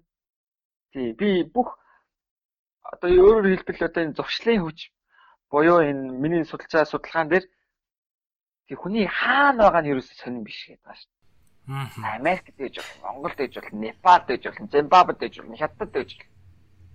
Тэр ханаа ерөөсөө та өөрөө тэрэн дээр хэрхэн оршин тогтнож ийн вэ гэж. Ерөөсөө л яг тийм байна. Та өөрийгөө хаана байгаа намаахгүй та өөрийгөө тэр зүйл яаж бүтээгээд байгаа бэ гэсэн. Аа. Тийм учраас энэ 7 хоногийн дадал зуршил маань бол одоо ерөөсөө л Монголд ч би өөрийгөө хөгжүүлэе, олон нийтийн арга хэмжээд ингээд байдаг байсан. Энд ч бас яг л тийм байгаа гэдгийг би хэлмээр. Тийм учраас монголчууд нэг залуучууд маань гадаадд л гарчвал гоё гэж бод. Аа. Тий. Гадаад гарчвал мундаг болчихно гэж ойлгоод. Би нэг нийтлэгдсэн байсан чи харсан те. Гадаад сорчвал гоё болчихно гэдэг. Монголдо төлөвч хамжаагүй гэж гадаад ирээ төлөвшнө гэдэг юу л бол. Тий. Олон хүн төрсөн шүү дээ. Харин тийм. Тэгээд миний бас нэг энэ судалгаа хийж байгаа хувь хүний нийгэмдээ хийж байгаа үүрэг маань Аа. Хүмүүс бас тэрийг ойлгосоо. Найзуудаа тийм ээ залуучуудаа 10 жилийн дүүнэр аягүй бас их сонсож байгаа подкаст тийм ээ. Аа. Та юм битгий хүлээ. Тэ. Одоо мотивац гэдэг байгаа. Би бас 10 жилдээ яг тийм байсан байхгүй билгүнэ. Ээж маань ч юм уу, найзууд маань ч юм уу өөр хин нэг намайг ингээ мотивацжуулах, намайг өөрчлөх юм шиг санагддаг. Тэгж хүлээдэг байсан баг. Тэгээ би айгүй их нөгөө уналтын мэдрэмжүүд аваад тэгэл тэгэл мяарал ирэнгүүт чи хүн ойлгох юм шүү дээ. Хүн амьдрал ерөөсө хүлээж болохгүй юм шүү дээ. Аа. Тийм тийм учраас юу ягаараа тэр мотивац тэр бусад хүмүүст бол ерөөсөө байхгүй. Тийм учраас хүний хаана байгаа чухалчлахгүйгээр байгаа газраас зэшиг дэлгэр гэсэн. Монголд нэг ардын үг гэдэг шүү суусан газраас шороо хатгаа. Тэгээ би болохоор тэрэн дээр нэг үг хэмж франц бичээд нөгөө нэг нөгөө 267 хуудсан дээр нэг бичсэн байхгүй болж байгаа. Атгсан шороогоо алтуулгаараа өөрөөр хэлбэл чи барьж авсан зүйл болгоо болгоно болгоноос ямар нэгэн ашиг гарах гэсэн. Аа. Тийм. Энийг би нэг кино үзэж байгаа зурс хийгээд орж ирсэн. Тэгээд ямар нэгэн кино үзсэн, ном бичсэн, янз янз юм болгоноос л ямар нэгэн одоо жоохон ч гэсэн үр дүнтэй юм аваал аваал тэгж юусоо ингэ тийм байдлаар ингээ өөрийнхөө би би организмыг ингээ басах гэсэн. Аа. Өөрөөр хэлбэл өөрийгөө кодлох гэдэг шүү. Тий. Тийм үү? Тий. Өнөөдөр чи өөрийгөө жоохон хүчилж байгаа кодлчих юм бол тэрний чин үр шим нь бас чи хоёрын хойлонгийнхаа нөгөө нэг хоёр асуулттай холбоотой ерөөсөө л чи өөрийгөө нэг кодлч.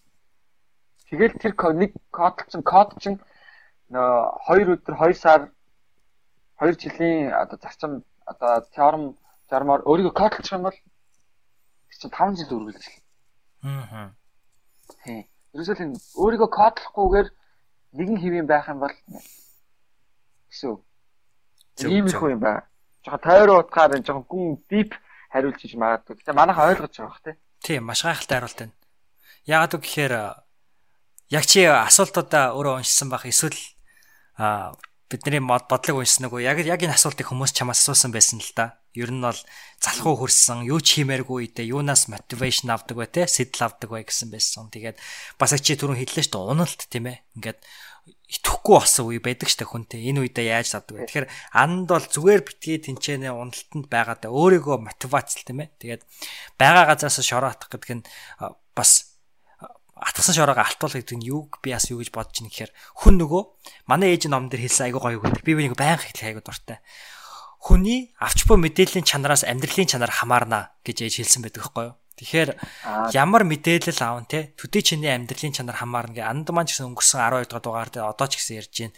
Яг ямар төрлийн мэдээлэл авч нөгөө доод ухамсартай. Би даалт ш доод ухамсар гэд хэлээд байгаа шүү. Анд маань зааж гисэн.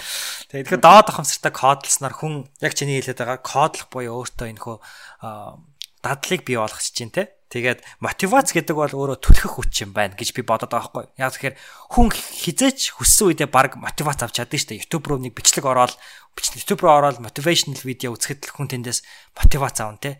Гэтэл өнөөдөр тэр мотивац авчаад түлхээд босгосны дараа юу бид нарыг пул хийж татчихээн гэхээр а яг чиний хэлээд байгаа нь кодлох буюу дадал дадлын хүч байгаа байхгүй. Тэгэхээр энэ хоёрыг хослуулах нь зөв гэж би бас боддог болдог. Тэгээ чиний саяны хэлсэн санааг бас ингэж одоо нэг бүтгээд яг нэг дүгнэлт толгой хэлэхвэл ингэж хэлэх гээд байгаа найз үү? Зөв шүү дээ, яг үнэ. Аа. Өөрийгөө ямар байлгамаар байна? тэгж кодлох хэрэгтэй. Тэгж бие харж явах хэрэгтэй. Одоо би гэхдээ энэ тухай ахаад яг дараагийн асуултан дээр бас яг дэлгэрэнгүй бас ингээ дараа дараагийн юмнууд дээр нь жоохон дэлгэрэнгүй бас ингээ хариулнаа. Энэ асуулт дээр ямар ч кодлох тухай яг ингэж хариулъя гэж бодчих. За тэгээ. За тэгвэл хоёул хүлээлгээ явах дараагийн асуулт руу авах. Тэгээ. За дараагийн асуулт маань энэ 7 хоногт хамгийн их нөлөө үзүүлсэн хүн эсвэл үйл явдал юу байсан бэ? Хэрхэн нөлөөлсөн бэ? Хүү нөгөө quick question чинь байхгүй.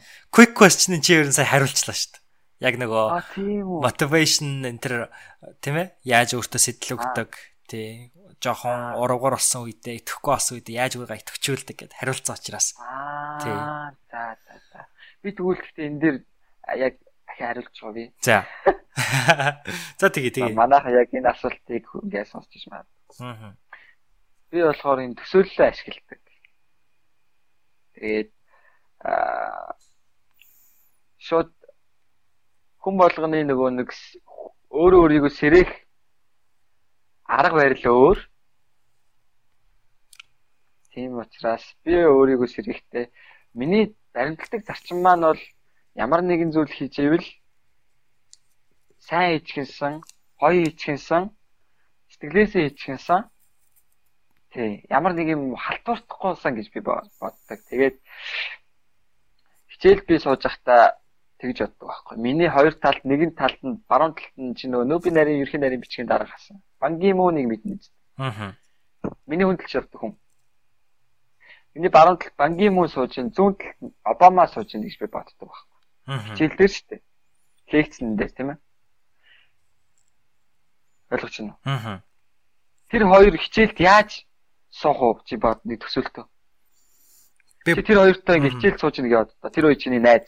аа Тэр чиний мууд буюу чиний тэр төлөв байдал чинь шууд өөрчлөгдөн дөө нэг зур шигээ шууд амар бүх юм чи мэдрэлийн цэг бүх хэс чи эдэж чи хасаад нэг сонин ер нь тэгэл айгуу тийм мэдвэтэй болж ирнэ үстэй.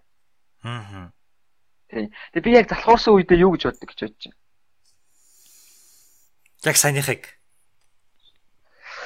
Төсөөтэй бас нэг техникүүд ингээ ашигладаг. Нэг таван техник ашигладаг. Би гэхдээ тэрийг тавлан юм хэлэхгүй. Нэг техникийг би та хэд ингэж одоо яг хуваалцъя гэж бодож аа байна. Тэгээ тэр тэрний дараа хоёлаа нэг уралчгийн техникийн тухай ингээ дараа дараа юм ярьж. Тэр арай болоогүй байна. за Би ингээ яг залхуурдаг байхгүй. За жоохон нэг 30 минутын дараа хийцдэг ч юм уу, тэгшдэг ч юм уу гэж бодож байна. Айлсууд уулзалтаа канселддаг ч юм уу гэж боддог байхгүй. Хуралд орж очихгүй бол уулзалтаа канселддаг ч юм. Гэхдээ аа Тэгээд яангуудаа шууд яг төсөөллөө ашиглаад хамаагүй юм нарийн техникүүд олон хүмүүст хүргэж ин болж ийн үгүй сайн мэдэхгүй байна. Шууд болно төсөөллөө ашиг төсөөллөө болно. Төсөөллөө ашиглаад баруун талдаа би Чингис хааныг зүүн талдаа Наполеон Бонапартыг авчирч байгаад өөртөө одоо яах ёстойгоо шууд ингээд тэр хоёртой ингээд ярьдаг гэх юм уу? Зөө зөө зөө хийсвэр ментор гэдэг байгаа шүү би наадах чи би бас яг тэгдэг байхгүй Тийм үү? Мгм. О тэгдэм үү? тэгдэг Аа, тийм үү. Тэгэл тэр жоохон яа ярьж одоо жоохон ихтрүү шийдвэр мэдрүү гарах га тэнгүүд тэгж одоо нөгөө нэг юугаа мүүдээ хасааж тэгж шууд тэр залхуу тэр байгаа байдлыг шууд delete хийгээд нуцсан дарж байгаа. Тэгээ шууд хийн. Шууд босно. Ямар нэгэн зүйл болимоор санагдаж байгаа үед шууд ингээд цэник ордог байхгүй. Баа. Хөө юу вэ энэ нэрээ. Ийм юм гэдэг ч юм уу те. Бүр ингээ өөрийгөө ингээ асаана. Угс тийхгүй болохгүй. болохгүй Тэгээд чи одоо энэ насан дээр одоо чи энийг хийхгүй чи одоо яг хизээ хийх гэдэг. Айгу над руу ингээ харж байгаа харцаас нь би шууд ингээл өөрийгөө шууд хүмүүжүүлээл тэгэл. аа Тэгэл тэр бүх залхуурал тэр а, нэг тэр бүх юмнуудыг нуцсан дарж байгаа. Зарим хүмүүс ингээл намаа ингэдэг. Аа чи өөрийгөө аягүй их яссан хүмүүс гэдэг байхгүй юу? аа Тэнгүүт хаяа хүн л юм чинь гомдсон шүү дээ. Яа гэж юм бол гэлтэй. Уулын давь бол дотроо ингээл сайн санаал тэр хүн одоо энэ зүйлийг бас сураад ингээ хамтдаа гоё ингээд ингэсэн сэтгэлж хүч хамтдаа ингээд юу ингээ гээл тэгж би ганцаараа өөрөө ингэхгүйгээр тийм ээ Аа. Миний найз найзтай хэл чи найз маа гэсэн адилхан хийгээд бид хоёр хамтдаа хөгжөө явал хэрэгтэй шүү дээ. Тэгэж утсан бодлыг минь яагаад энэ талаас нэгж харж байгаа юм бэ гэх. Тэгээ аюу олон хүмүүс тэгдэг байхгүй чи ингээл амар өөрөө их хөө онгороо монгороо гэл гэл яг хүмүүс ингээ байдаг байхгүй тэр болгонд хаяа ингээл хүн чи хүн юм чинь бас нэг жоохон сэтгэл орно ш. Тэгэл байх. Ямар муухан бай гэдэг жоохон гомдох гомдно. Жоохон гомддог байхгүй. Тэгээ хүний ингээ гоё асарт өрөлдөж явж байгаа насыг яага ингээ унтраагаад байгаа те хүн гоё ингээд хичээ хий бүтээгээ ингээд гоё галтаа цогтой явж байгаа хүнийг ингээд унтраах гэдэг байхгүй те. Аа. Тий тэгээд заримдаа болохоор би нөгөө аа Тэгээд ингүүд ингэдэг. Чи жишээ нь аа юу гэдэг юм бэ? Юу гэж хэлэхээ сайн ойлгохгүй. Чи ингээ ингээ жишээ нь афоризм ч гэдэг юм уу ямар нэгэн байдлаар чи ингээл юм ингээл одоо мэдрэмжээ хуваалцсан шүү дээ. Тэгвэл хүмүүс тэгдэг шүү. Чи өөрөө хийгээч гэдэг шүү дээ. Өөрөө хийж үзүүлээч гэдэг шүү. Тэгдэг. Тэг өөрөө хийж үзүүлээд тэрийг хуваалцсангууд Чи өөрийгөө ярьслаа өнгөрөө. Яагаад те? Тэр ямар ч байдал нэг тийм өөр негатив зүйл ингээ байдгийн байна гэдэг зүйлийг ингээ ойлгоцсон. Тийм учраас хүмүүсийн санаа бодол хөрөөсөө бити. Хүн дээр тусгаж аваасаа гэж байна. Тэгээ тэр чинь хүний мотивацд бас амар муухан төлөвлөлдөг байхгүй. Яг хүний ингээ бүр ингээ хүний галыг жоохон унтраад тиймэрхүү байдаг. Тийм учраас тийм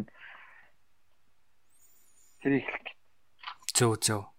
Тэгээ андмаа нэг юм их сайн хийчих юмсан халтардахгүй орхичих юмсан гэд гих мэтчлэн зөөсөө тэгээ дурдлаа штэ тий. Би үүн дээр зүгээр нэмж бас андыг өгж боддог гэхээр нэг нэг сэтгэлээсээ чадах бүх юмаа өгчих юмсан гэж өгөөд тэ хариуд нь тус нэгтгэх юм шиг санагддээ штэ. Ерөөсө хариу нэгтгэхгүй. Тэгээ санагддаг анд. Тэгээд хариу нэхгүй байх магадгүй андын айгу чухал зан чанар учраас бас анд маань хүмүүсээс за хичнээн тэгэж одоо хэлүүлсэн ч гэсэндээ бас ингээд шөөмжлүүлсэн ч гэсэндээ хийгээд байдгийнхаа нэг нууц юм болов гэж бодож байна. Миний зөв өсөл чи юу гэж бодож байна? Аа.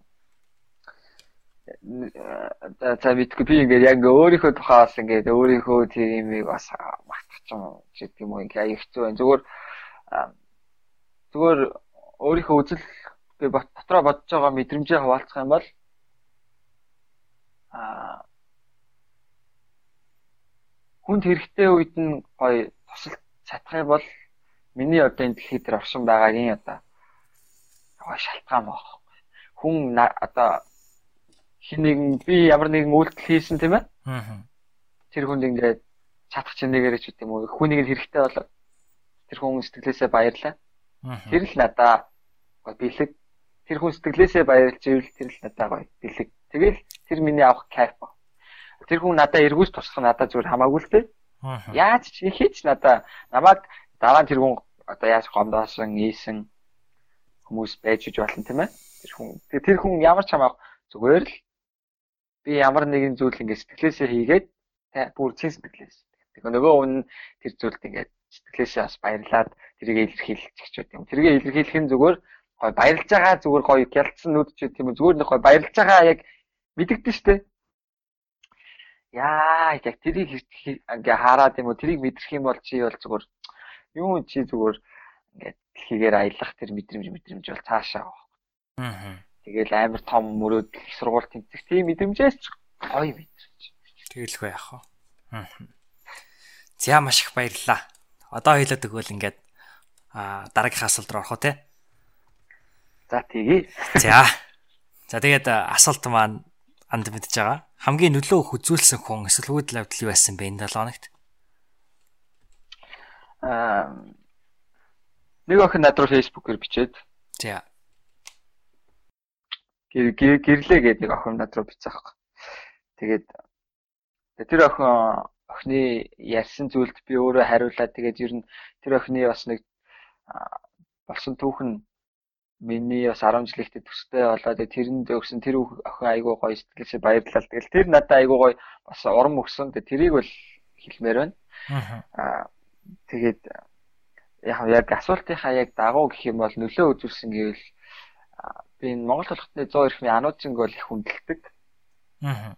Тэр хүн яа гэвэл нийгэмд бас нийгмийн айгуу тийм хэцүү явж байгаа хүн гэж би боддог. Бодол нь ямар ч байдалд ингээл хүмүүсийн сайн талыг яг чамтай адилхан байхгүй.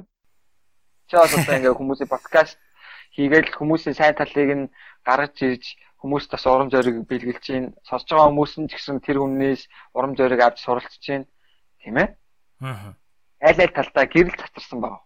Аа тэр Монгол хулгатны ануужингийн хийж байгаа зүйл бол тийм ээ. Монголын дандаа сайн зүйл хийсэн тэр хүмүүсийг бас гаргаж ирж тэр хүмүүсийг баярлуулж ш тийм ээ. Олон хүмүүст монголчууд бүр харуулж штэ энэ хүн ийм хийсэн штэ гэж. Тэр хийсэн үнэн ч гэсэн дотроо баяртай. Тэрийг үзэж байгаа хүмүүс нь ч гэсэн айгүй их юм суралцж байгаа байхгүй. Тэгээд тэр Монгол товчоон гэдэг төсөл хийж байгаа юм байл. Тэрэн дээр голомтын өө гаан зориг ахыг ороод оруулаад тэрний нэвтрүүлгийг би дөрөв удаа үзээд. За. Тэр хүнээс би бүр ингээд бас гоё инспайр авлаа. Онлайнаар үзсэн үү те? Тэг YouTube дээр. Тийм үү. За. Би бас сонсоогүй нэвтрүүлэг байна. Тэгэхээр хоёлаас блог дээрээ тавиа те. Тий. Эхний нэвтрүүлэг дээр нөгөө нэг найруулагч Наранбаатар орсон, дараа нь Батбаяр орсон. Тэгээ гурав дахь нэвтрүүлэг нь яг гурав дахь нь явж байгаа. Гурав дахь нь болохоор юу юм бэ? Тэгээ би ер нь тиймэрхүү яг гоё нэвтрүүлгүүд үзэх дуртай. Аа. Тэгээд зүгээр хүнтэй хов яриа судалсны оронд баг тим юм үзээ судалсан надаа бараг айгуу гоё. Гоё явах. Надаа илүү гоё миний сэтгэлийг гоё хөдөлгөж штэ. Надад гоё мэдрэмж өгч. Тэгэлгүй яах вэ? Тэгээ тэр охин болохоор надаа гэрлээгээд охин над руу бичээд хандхаа би өөрийгөө бас мотивацууд чадахгүй байна. Би өөрийгөө хөдөлгөж чадахгүй байна. Хичээлээ сайн хийж чадахгүй байна. Аа. Хичээлээ сайн хийхээр хүмүүс намайг хичээлдээ хотлоо идэх гаргалаа гэж шоолоод байна. Аа. Ойлж яриад. За. Тэгээ би оюутнууд болоод ингээд залуучууд ингээд хүмүүст хэлмээр байна. Та нар яасан муухан бэ те? Ер нь хичээж явж байгаа ингээд ийм ер нь хүнийг өөрийгөө л тийм ээ шүүвэл өөрийгөө л шүүлтэй те. Хүмүүс бусад хүмүүсийн хичээж зүтгэж байгаа хүнийг хизээч битээ ингэж муухай юу яа. Ой өсөл хэрмэлцэл мөрөөдөл рүү битээ ус цацаа, хар ус битээ цац. Штэ. Тийм. Чи өөрөө ч ирээдүйд ээж аа болон дараа нь хүүхд чинь бас өсөл мэдлэлтэй ингээ гоо аюу хөөрх ингээ явж хахад бусад хүүхдүүд шаалдаг ч юм уу ингээ явж хахад бас мухаа мэл бас л хэвчтэй юм штэ. Тийм учраас бити тийм мухаа байлдаа л гэж би хүмүүст хэлмээр байна. Тэгээд энд бас нэг юм томьёо хэлмээр байна. За. Нөгөөх пирамидын томьёо юу? Аа үгүй. Аа. Грацийн томьёо. За. За энэ бас их чухал. Би Facebook дээр пост хийдэг. Аа. Найзуудтаач би захидаг. Нэг найзын зүйл. Тэр маань найз нөхөд гэдэг хүний амьдралд маш том нөлөөтэй шүү гэж ингээ хэлнэ. Тэгээ хүмүүс маань бол шууд хэлэхээр ойлгодоггүй. Тэ. Тийм учраас зүгээр энгийн жишээгээр би тайлбарлая гэж бодлоо л та бэлгүнэ. Хүмүүс ингээ найз нөхөд аягүй чухал Тэгээд найз зөвхөн ингээд өөрчил change edit хийгэнгүүт хүмүүс надад байна. Чи одоо тэ хүн сайн сайн руу нь одоо долгонж гүүх аа тэгээ сайн найзуудаа хаяа гэсэн юм муухай мессеж өгөө бойл бойл хүмүүс тэгдэг байна. Аа. Тэгсэн чинь түрүүгийн сард Icon Game-ийн лайваар нөгөө нэг идрийг мэднэ үстэй. Аа. UB Comedy-гийн. Тэр идрэгийн лайвыг үзсэн үү чи? Үзээгүй. Гэтэ нөгөө өөр нэвтрүүлгүүдийг нь үзсэн шүү. Бизнесийн талаар ярьдаг. Идрээ гоё юм ярьдаг те. Хоёр парт лайв хийсэн байгаа чаа. Тэрний хоёр дахь партн дээр нь юу гэж ярьсан гэж хамгийн ихнийх дээр нь. Хоёр партных нь хоёр дахь партных нь эхний хэсэгт юу гэж ярьдаг вэ гэхээр эхний 3 минутанд. Хэрвээ та англи хэл сурмаар байвал англи хэл маш их сухыг хүссэн бүр сурахгүй бол болохгүй гэж бүр бодож байгаа тийм хүмүүстэй нийл найзлал тэр хүмүүстэй их хамт бай гэж байгаа. Тэр хүмүүсэнд чамайг илүү их өдөөж өгнө гэж байна. Чамайг англиар сурахыг чинь сануулж өгнө. Тэр хүмүүстэй ойр бай гэж байна. Аа. Тэгээд англиэр бүр ингээд аягүй сайн сурцсан тийм хүмүүсээс зөвлөгөө ав тэр хүмүүстэй байх уулз гэж байна. Тэгээд би биш итрээ тэр яг миний дотроо бодож явдаг ингээд хэлэх гээд байгаа санааг бас лайваараа хэлсэн. Тэгээд би тэр идрээ бас баярлсан. Тэгээд би хэлэх гэж байгаа одоо нөгөө нэг томьёогоо чам тайлбарлаж хэлээ заа. Чи бэлгүүнээ төсөөлнө хоёлаа. Аа. Хүн яаж нөлөөлдөг вэ? Нөлөөллийн зарчим яадаг вэ? Яагаад найзууд айгүй чухал юм бэ? Яагаад эерэг ухаантай хүсэл эрмэлзэл дүүрэн хүнтэй найзлах хэрэгтэй бэ гэдгийг би ингээ хэлээ. Тэгээд 10 жилийн физикийн хичээлдээ л хоёлаа ингээ аюу ингийн жишээ аваад ингээ явъя заяа. За. За. Чи өөрийгөө нэмэх 40 градус гэж бод. нэмэх 40 градус болохоор хоёр найзтай байл. Хоёр найз маань болохоор хасах 30 градусын хоёр найзтай. Тэгээд тэр градус градустай хамтдаа заяа. Тэ. Градустайгаар нэг 3-аас 12 сар хүртэл хамт ингээ байхад чиний градус хэд болох бай дунджаар ирнэ. Тэг буурах юм болоо та дундчтаад. Аа, ерөөсөө за яг нарийн тооцоо гарах юм бол 11.6 болж ирлээ. Гэхдээ зүгээр ингээд энгийн хэлгээр ярих юм бол аа. Чи өөрөө нөгөө нэг нэмэх градустай буцалж явж байгаа ингээд юу байгаа шүү дээ. Халуун зүйл байгаа даа шүү дээ. Халуун чанар байгаа даа. Физикийн хувьлаар тийм халуун. Тэгээ хоёр хасах одоо нөгөө хүүтэн зүйлтэй байхаар чи чиний градус чи хасах руу ороод хөрнө үстэй. Тийм үү? Аа. А за тэгвэл нөгөө талаар чи өөрөө нэмэх 40 градус ч мөн үү? Аа. За нэмэх 200 градусын 200 ч гэдэг юм уу нэмэх нөгөөх нь 2 300 градусын дунд ороод нэг 5 сар боллоо гэж байна. Яг уу. Одоо тэгвэл тэгээд бүр шатаад халах уу? Шатаад халаад бүр ингээ бүр ингээ буцлана үстэй. Гал халуун бүр ингээ. Энэ бол хүний хүсэл эрмэлзэл одоо хүний доторх хүсэл эрмэлзэл байхгүй. Аа. Сөрөг хүмүүс юм айлс чиний сонирхлыг дэмждэггүй найз нөхөд хүнийг ингэж унтраадаг. А хөдөлмөрлөж явж байгаа одоо хүсэл эрмэлзлээр бадарч явж байгаа хүн хүнийг шатаадаг байхгүй. Ингэж улам ингэж батраадаг. Аа. Тэгээ юм гоё халигсан, цалигсан хүмүүстэй айл хэвлэх л ойрхон байх юм бол гэл ерөөсөө за санаа энэ одоо томьёоны одоо энэ томьёог ингээ нэмэх 40 градус гэдэг ингээ кодлчих болно. Тэгээд чи аль болгол халгсан цалгсан гоё сэргэлэг авахалжтай тийм ээ. Ямар болохыг хүснэ яг тийм хүмүүстэй л ойрхон бай гэдэг шүү. Аа. Тэгэл. За чи ингээ кодлчих. За дараагийн асуултад руу гарах байлаа. За тэгье. За энэ 7 хоногийн тань амжилт юу вэ те? Өөрийнхөө нуруунд дээр алгадаад өөртөө сайн байсан шүү гэж хэлэн тэр амжилт юу байсан бэ гэдэг асуулт байгаа. Дараагийн асуулт. Энэ 7 хоногийн амжилт гэх юм байна тийм ээ. 300 өний өмнө гараад ихтгэл тавьчихсан. Нилээн том юм зүйлээ бас төрөнд ортсон те. Өөр гахалтай амжилт. За энэ 7 хоногийн амжилт за би бодоод энэ 7 хоногт нэр яг ямар амжилт болчихлоо. Амжилт гэдэг чинь нөгөө нэг айгүй хурдан ирэхгүй шүү дээ. Аа. За би нөгөө чөлөөт бүхөхөө бэлтгэлд эргэж орсон байгаа. Оо тий. Аа. Тий. Тэгээд чөлөөт бүхөхөө бэлтгэлд эргэж ороод тэгээд тэр бэлтгэл аа бэлтгэлдээ яасан бэ гэхээр ингэсэн байгаа. Нөгөө хүмүүс нөгөө анх бэлтгэл ингээ хий. Одоо би чинь бэлтгэл хийгээд 3 7 хоног болчих. Аа. Тэгсэн чинь бэлтгэл хийж байгаа нөгөө Франц дасгалжуулагч намайг шууд хараад тэмцээнд бэлдээ гинэ. 5 сарын 10 хэдээр нэг тэмцээн байгаа. Чи ингээ манаа ингээд ийм мандат ингээд аав те. Тэгээ манай клубын гишүүн бол тэгээд тэмцээнд ингээ бэлдмээр байна. Тэгээд чиний ингээд чадварыг чи улам ингээд скиллийг чи улам тордох юм бол чамаас ингээд юм гарах гад байна. Тийм учраас чи ингээд хэмжээнд орох уу гэж надаас асуусан. Тэгээ би сайн мэдэхгүй байна. Яа тэр би хичээлдээ хажуугаар ажил хийдэг учраас би хангалттай энерги зарж чадахгүй хаа. Наад хэмжээнд бэлтгэхийн тулд надаа маш их ус энерги наад чинь төвлөрөх хэрэгтэй. Наадахын чинь тухай би бодох хэрэгтэй гэсэн байхгүй.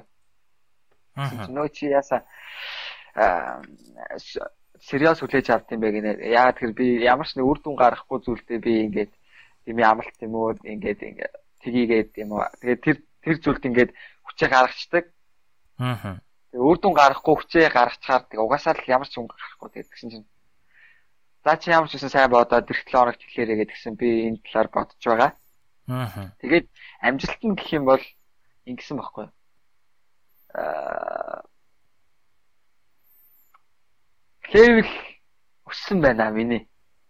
За. Миний одоо нөгөө нэг үзэл бодлын одоо ерөөсөө левел их өссөн байна гэдгийг би тэнд анзаарсан. Аа. Тэгээ хүн чинь өөр газар өөр газар ингээд очих тусам хүн чинь өөрийгөө нөгөө нэг харьцуулж эхэлдэг юм биш. Монголд би чөлөөт бүхий бэлтгэлд явдаг байхад юу гэж боддог вэ гэж. Тэгээ спортын бэлтгэл ч юм уу хичээл ингээ хийгээд ингэнгүүт магадгүй 10 жилд ч үдг юм уу те тэгдэг гэсэн баг. Бусад хүүхдүүд ингээд аа би халаалт дутуу хийсэн ч гэсэн хингүүт нь би адилхан би халаалт дутуу хийчихдэг. Би өөрөө би халаалт дутуу хиймээр байсан ч зориг хүрхгүй айгаад ч гэдэг юм бусад хүүхдүүд санаа зовооч гэдэг юм мэдгүй ямар ч байсан би тэр хүүхдүүдийг дааж дөрөөд өгсөн. Аа. Тэр хүүхдүүд би уул за тэр хүүхдүүд 20 сунаж байгаа мөртлөө би 30 сунах сунавал бол сунах штайгаа би мэдж байгаа байхгүй. Аа. Сунах ястаа тэгжиж би сайжрахаа мэдээд байгаа. Гэтэ би тэгдэггүй санаа зовоод байсан. Тэгээд мих тавтгингүүт нь мих тавтаал татуулаад байна тийм ээ. Тэнгүүт би одоо уулын тэр михийг би уулын бүр гартаа бүр ингээ оруулах хэрэгтэй шүү дээ.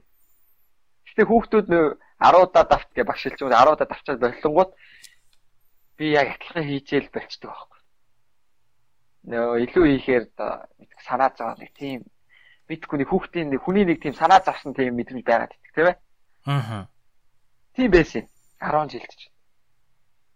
Сая би өнөөдөр ч одоо 25 настай шин. Аа. Тэгэл би ингээл амьдрал амьдрал тэгэл өөрийгөө челленж хийгээл челленж хийгээл айгүй их ингээл хөгжүүлэл яваад тэгсэн чинь өнөөдөр би бэлтгэлийн зааланд очиод заяа. Эхний өдөр шүү надад ямар ч санаа зовхон байхгүйгээр ороод би халаалтыг би тултал хийсэн. Би нөө би халаалт болсон гэдэнгүүт уушлаар багш би би би халаах хэвээр. Ингээ би халаамаар байна гэмээр багш өө тэг тэг гэж.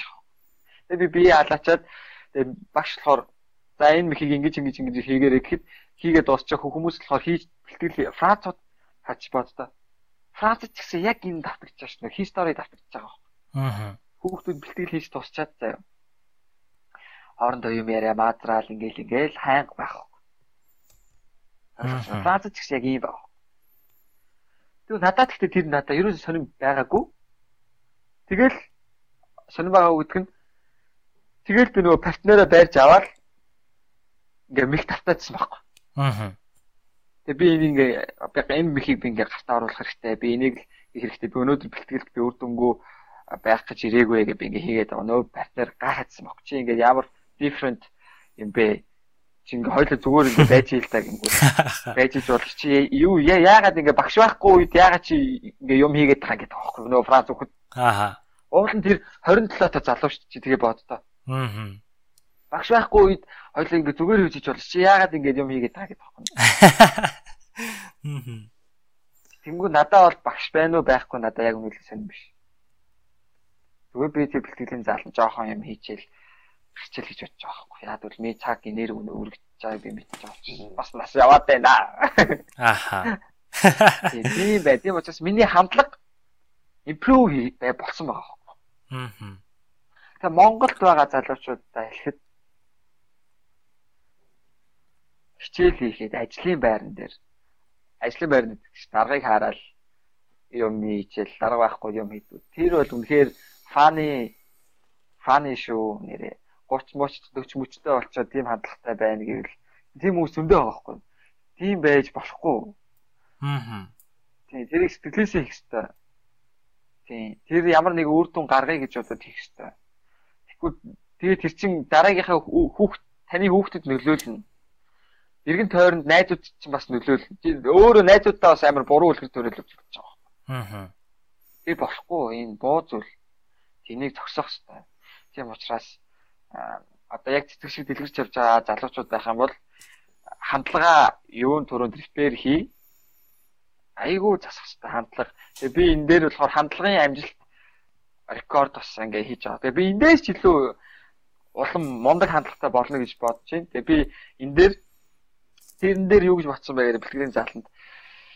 Тэгээ тэнд байгаа хүүхдүүд намайг ингээ айгуу ширтчихсэн нэг би бас айгуу мэдсэн. Аа. Айгуу нөгөө нэг хурд аав гэдэг байхгүй. Хурд аав гэдэг нь аим хоёр заалны хооронд хурдан гүөхстэй. Би бүр хамаг хурдаараа гүсэн баг. Хүүхдүүд чинь болохоор нэг нэг халтуурдаа л гүчих байхгүй. Тэр дээр хүч гарахгүй байхгүй. Тэнгүүд би гэхдээ хүч минь тэр хүмүүс хүч гарахгүй байна хамаагүй. Би зүгээр л хамаг хүчээ гаргая гэж бодож байгаа. Аа.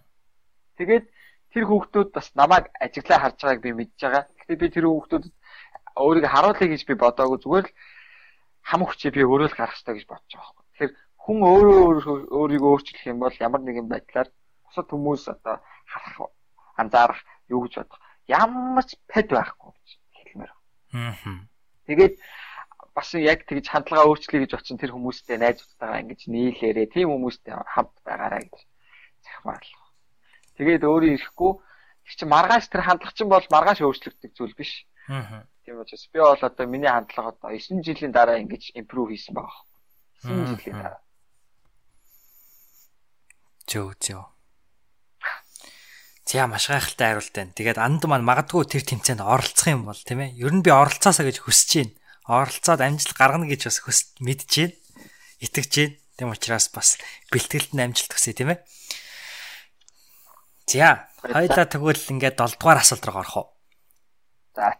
За 7 дугаар асуулт маань таны өнгөрсөн 7 хоногт та ер нь өнгөрсөн 7 хоногт өөрийнхөө хамгийн сайн хөлбөр нь байж чадсан уу гэдэг асуулт байгаа. Тэгээд энэхүү сайн хөлбөр нь ер нь ямар утгатай асуулт вэ гэхээр ер нь таны хувьд таны төсөөллөөр тийм ээ анд бод өөрөө хэлжсэн хамгийн одоо ideal буюу тийм ээ сайн хөлбөр чинь чиний хувьд ер нь хэн бэ?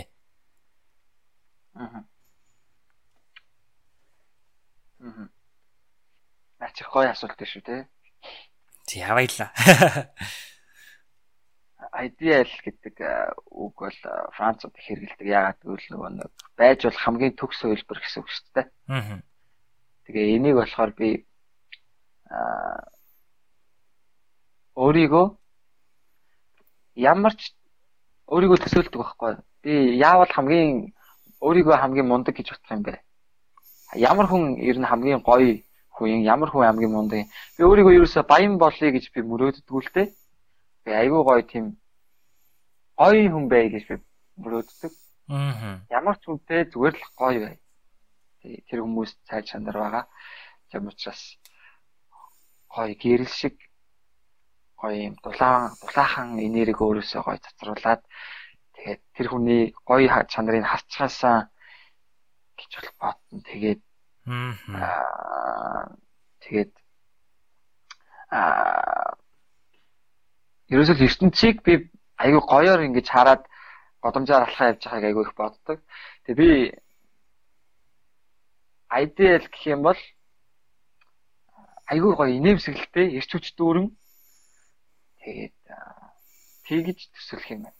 Аа. Тий, тэгээд энэ долоон тийм байж чадсан уу? би энийг хэлэх гэхээр бас нэг техник хэлчих гээд байна. Тийм учраас би энэ асуултан дээр энэ 7 хоногт бий штэ. Аа. Сүүлийн 2 жил би нэг техник туршиж үзэж байгаа байхгүй. За. Сэтгэл судлалын техник туршиж үзэж байгаа. Би гэхдээ тэрийг хэлж болохгүй байна. Тэрийг хэлгээд тийм болохоор би тэрийг энэ 7 хоногт туршиж үзсэн хамгийн бас айгүй тийм нөлөө гаргасан 7 хоног бол байлаа. Энэ 7 хоногт. Аа. Тий. Тийм бат. Тийм болохоор өөрийгөө бол ер нь аа дайж бол хамгийн сайн хэлбэрээр төсөөлж явах бол үнэхээр сайн л та. Аа. Тэ тэгэж бодож байна. Тэгээд өөрийнхөө шүтэж биширч явдаг юм уу хүндэлдэг хүмүүстэй аль болох уулзаж зөвлөгөө аваасаа гэж би бол бодож байна. Аа. Анд өөрөө ментортай юу? Тэрийг хэлэхгүй. Тийм асуулт ирсэн байхгүй юу? Өө тийм үү? Тий. Харт. За. За тэгэхээр анди маань ховд тэрхүү магадгүй нууц сэтгэл зүйн тактик тэрхүү томьёо хизээ нэгэн цагт илрэх бах те анд маань ер нь өөр дээр яг альва зүйлийг хэрэгжүүлж үзээд үнэхээр ажиллаад чадаад бүтсэн тохиолдолд ер нь бол хүмүүст хэлдэм шиг байгаа те. Гинт зүгээр л уншсан юм а а энэ ингэх хэвээр гэж шүү гэхээс илүүтэйгээр ингэж болдсон байх шүү гэж өөрийнхөө туршлагатаар үнэлж хэлхийг их хичээд юм шиг надад санагцсан. Харин тий би нөгөө нэг хийж одоо нөгөө нэг би сая тэнцээнд орох гэж байгаа энэ гэдгээ ч бас хэлэхдээ бас аягүй санаа зовчлаа. Тэгэхээр яг зүгээр ороод үзвэл хэрэгтэй гэсэн би чадахгүй байж худлаа олон юм ярих бидээ гэдгээс ч санаа зовдөг. А би чадж байгаа юм уу мэдж байгаа юм уу л ихтэй би үнэхээр ихтгэл түрэн байдаг. Яг үл би тэрийг ингээд одоо нэг ийм үг гэдэг байхгүй. Гарт оруулах гэж би тэгсэн чинь сая нөө түрүү ярьсан шүү дээ. Англи хэлээ гэж. Англи презентацийн. Аа. Тэ? Би тэрийг болохоор би нөгөө охинтой чинь залгаал заяа. 2-7 хоногийн турш нөгөө охинтой чинь одоо ноцолцсон байхгүй. Аа. Нөгөө охин намайг араас нь гүүчнэ гэж их батсан бахал та. Аа. Би тэгээ миний нөгөө нэг бодож байгаа болохоор зүгээр тэр англи презентацийг бүр гартаа оруулчихъя. Тэгээд бүр гараа тайзан дээр байна гэж бодоод хоёлаа бэлтгэл хийе. Тэгээд тайзан дээр гарахад ямар ч судал үгээр зүгээр нөгөө нэг юугээрээ Дэлхийд та санааг ойлгож байна уу? Аа. Нөгөө нэг бэлтгэлээ толтол хоёлаа хийчихье. Тэгэхээр бол тайзан дээр тэр бэлтгэлт хийсэн одоо нэг ийм үг байдаг. Спорт дээр нэг ийм үг байдаг юм аа. Би одоо нөгөө нэг спортын хүн учраас өөрөө ингээд спорттой холбож аягүй хичээ авдаг л та. Спорт дандаа надад дандаа ингэж юм гоё юу гэдэг байхгүй юу? Мотивац, inspire дандаа тийм ингэх хэвээр тэгэх хэвээр юм байдаг гэж тийм хүмүүжлийг стандартыг бий болгодог байхгүй. Аа. Спорт гэдэг чи бэлтгэлийн заалан дээр 20 200% байгаа бол одоо тэмцээн дээр бол 100% гिचэн гарна. 100% бэлтгэлийн заалан дээр гарч байгаа бол 50% л тэмцээн дээр гарна. Чи тийм учраас бэлтгэлийн заалан дээр тийм арчаагүй гэж тэмцээн дээр нэг лаг болъё, медаль авъя, төрүүлэе гэж бол мөрөөдөд гонжин жогддог. Тийм учраас би тэр зарчмыг багшийнхаа хэлсэн зүйл дандаа бодогдоо. Тэгэл ямар нэгэн зүйл хийчихвэл дандаа яг гартаа оруулаад бүр айгүй сайн хийчихье гэж боддог.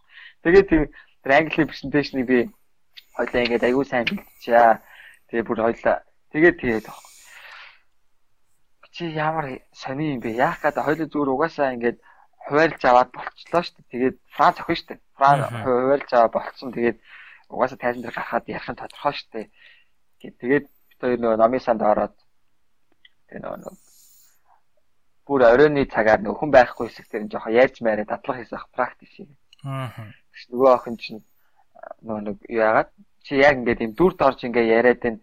Яагаад ингэж ингээд байгаа ингээд тэгж авах. Тэнгүүд би хэлсэн байхгүй. Чи өнөөдөр зүгээр би бол дотроо те яг олон олон хүмүүсийн өмнө ярьж ийн гэж бодоод төсөөлөд. Аа. Тий. Би яг одоо яг яаж бэлтэн? Яг их тийм байдлаар би одоо тэр хүмүүсийн өмнө тэгж ярина. Тодорхой юм бол. Би яагаад гэвэл мост байхдаа олон нийтийн арга хэмжээнд явж ихтгэл тавиад ингээ явсаар байгаад ингээ өөрийг биеэр ингээ мэдэрсэн байхгүй. Аа. Ямчаас ямар нэгэн зүйлийг бүр ингээ гартаа айгуу сайн оруулах хэрэгтэй, чаддаг байх хэрэгтэй гэдэг зүйлийг би ингээ ингээ ясандаа тултлаа ойлгоцооч. Тэгээ хэлэхгүй нөгөө хүүхэд бол яг ойлгохгүй шууд хэлэхэр. Аа. Тэгэл би за за би ямар ч гэсэн за та та одоо тий тэгж ирж байгаа бүр та одоо ингэ бэлтгэхгүй гэж бодлоо би бол одоо ингэ бэлтээ гэж хэлээ тэгээд баяртай гэжлээ гэртээр бэлтэж байгаа. Аа. Би яг тэгсэн байхгүй тий тийм учраас би тэрэн дээр хандж байгаа хандлага хандлагаа би зүгээр хуурч хуурч тэр юм бэлтмээргүй байна. Аа. Халтуурч тий. Тийм болохоор магадгүй би 10 жилийн дараа прожект дээр ажиллаж ивэл юмд ингээд халтуурч хийдэг хандлагатай болчихвол яах чи хоёр ингээд ямар нэг юм чи одоо ямар нэг юм хуу ингээд жоохон юм дээр ч ингээд халтурчих юм бол магадгүй чи 10 жилийн дараа их хэрэгтэй болно компанид орно CEO болоод хэдэн мянган ажилчинтай болно чиний тэр хуучин зуршилчин сэргээд туршлын томьёоны үүднээс хуучин зуршилчин сэргээд ямар нэгэн жижиг юм дээр ингээд аль болох халтурчих гэдэг юм яах тэр нөгөө нэг юм чи ингээд дотоос чи ингээд гжигдээд байж чамаа а халтуурч л та хүнээ гэж дотроос чинь. Тэрийг тийгч болохгүй болж байгаа. Аа. Тий. Тийм л. За. За маш их баярлалаа. За хоёлаа ингээд нийтдээ ер нь цаг гаруй удахгүй 2 цаг болох гэж байна. Яраа маань үргэлжлээд. Үу ямар амар ирсэн юм байлээ тий. Тий. Тэгэхээр ер нь бол хоёулагийн яраа маш гайхалтай болж байна. Тэгээд пиандынхаа ярианд бүр ингээд сайхан flow state-д ороод бүр ингээд уусаад явж байна. Гэхдээ мэдээж сонсогч нараа бас хүндлээд хоёлаа ингээд сүүлийнхаа жаргаах асуулт руу орох уу? Жаргай. Тэгээ за жаргаах асуулт. Намайг жаргаагаач. Тэг нэвтрүүлгээ жаргаан шүү дээ. Аа нэвтрүүлэг жаргаа. Намайг жаргаахгүй. За тэгэхээр жаргаах тэрхүү асуултыг маань шинээгээд охин илгээсэн байгаа. Тэгээ энэ охин маань дараах нэгэн чухал асуултыг надад илгээсэн. Тэгээд мэдээж хэрэг асуулт сонгох маш хэцүү байсан. Тэгээд хамгийн 8 дахь асуултаа би ер нь яг тэрхүү хувь хүн талаас нь таниулж болох асуулт асуувал бас зүгээр юм болоо гэж энэхүү асуултыг асуух гэж байгаа юм шүү. Тэгэхээр анандын хувьд хов хүн гэж нь яг юу юм бэ? Хүн байхын учир гэж юу юм бэ гэдэг асуултаар энэхүү нэвтрүүлгээ жаргаж байна. Аа за. Хой хүн байна гэж яг миний хувьд юу гэсэн үг вэ гэсэн үг юм уу? Тийм, хүн байхын хүн байхын учир. Хүн байхын учир уу? Аа. Хүн байхын учир бол өдийн наслахтаа бодлоо. Би сайн наа чин бас их хүнд асуулт байна. Ямар ухаалтай асуулт тавьдаг хөхтэй. Би энийг өстө мэдэхгүй мэй. Хойлоо одоо дараа нь бодно штэ. Дараа нь хойл ярина штэ. Энд гэхдээ ганцхан би подкаст сонсож байгаа бүх залуучуудад хэлмээр байна. Бэлгүүнэгийн тавьж байгаа асуултуудыг та нар өөрсөндөө тавьж үзээрэй. Тий. Тэгээ надаа энэ подкаст бас айгүй чухал нөлөө үзүүлж байна. Яагаад гэж байгаа гэвэл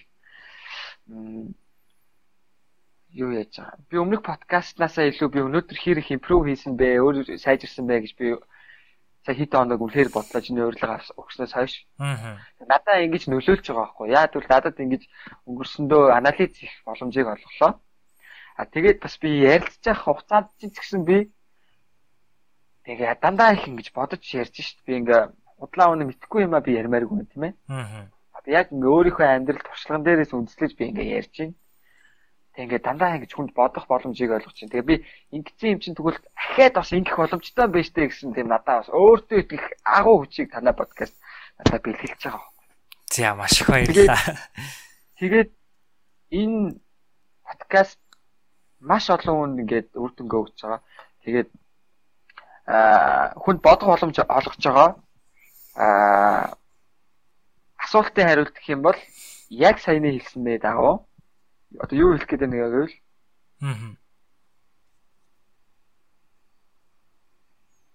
Бат хоёрын ёс зүй гэдэг нэг номон дээр байна. Хүн бол орчны бүтээгдэхүүн. Аа. Хүн болж төрн нутгуучрна гэвэл өөрийнхөө хийж байгаа болон хэлж байгаа үгэндээ анализ хийж чаддаг байна. Сайн муугаа ялгаж чаддаг байвал энэ бол хүн бол хүснэ. Тэгхийн бол нийгэмд муу зүйл гарах нь хавар сайхан зүйл илүү олон болох нь амжиггүй. Аа. Ер нь одоо сайхан зүйл илүү олон болох нь тодорхой гэсэн. Тэгэл байх уу? Аа. Тэр өөр өөртөө анализ хийх чадвар маш чухал гэж би бол бодож байна. Тэгэх юм бол энэ хүнд өөрт нь мотивац хэрэггүй. Зүгээр л маш өөр өөртөө ярилцж бодох алхам тутамдаас нь жоохон гэж бодож байна. Аа. Тийм ээ. За тэгээд хамгийн сүүлд одоо ингээ нэвтрүүлгийг заяа бэлгүнэ. Аа. Тууштай заяа тууштай ингээ үзсэн. Ингээ үзсэн гинэ сонссон. Хүмүүстэй болон чамд зориулж бэлгэлээ гэж бодоод энэ гурвалжингийнхаа там яг хамгийн сүүлд хэлье гэж би бодсон. За. За би чаас шүү. Чи өөртөө яг хэрхэн ихтэй болдог вэ? Цаст мэдхгүй юм да. Тэгээ ян зүр шүү дээ. Тэгээ яг чиний хэлдгээр өөртөө ихтгэлгүй байх үе байвал тэгээ бичлэг үздэг ч юм уу тийм үе байна. Гэтэ эргэн тойрны хүмүүс илүү бүр гайхалтай нөлөөг үзүүлдэг бах те. Жишээ миний найз охин дараа маа надад маш их нөлөөг үзүүлдэг. Тэгэхээр эргэн тойрны хүмүүсээс ирчвч авд юм болов. Өөртөө ихтгэлээ бий болгохын тулд.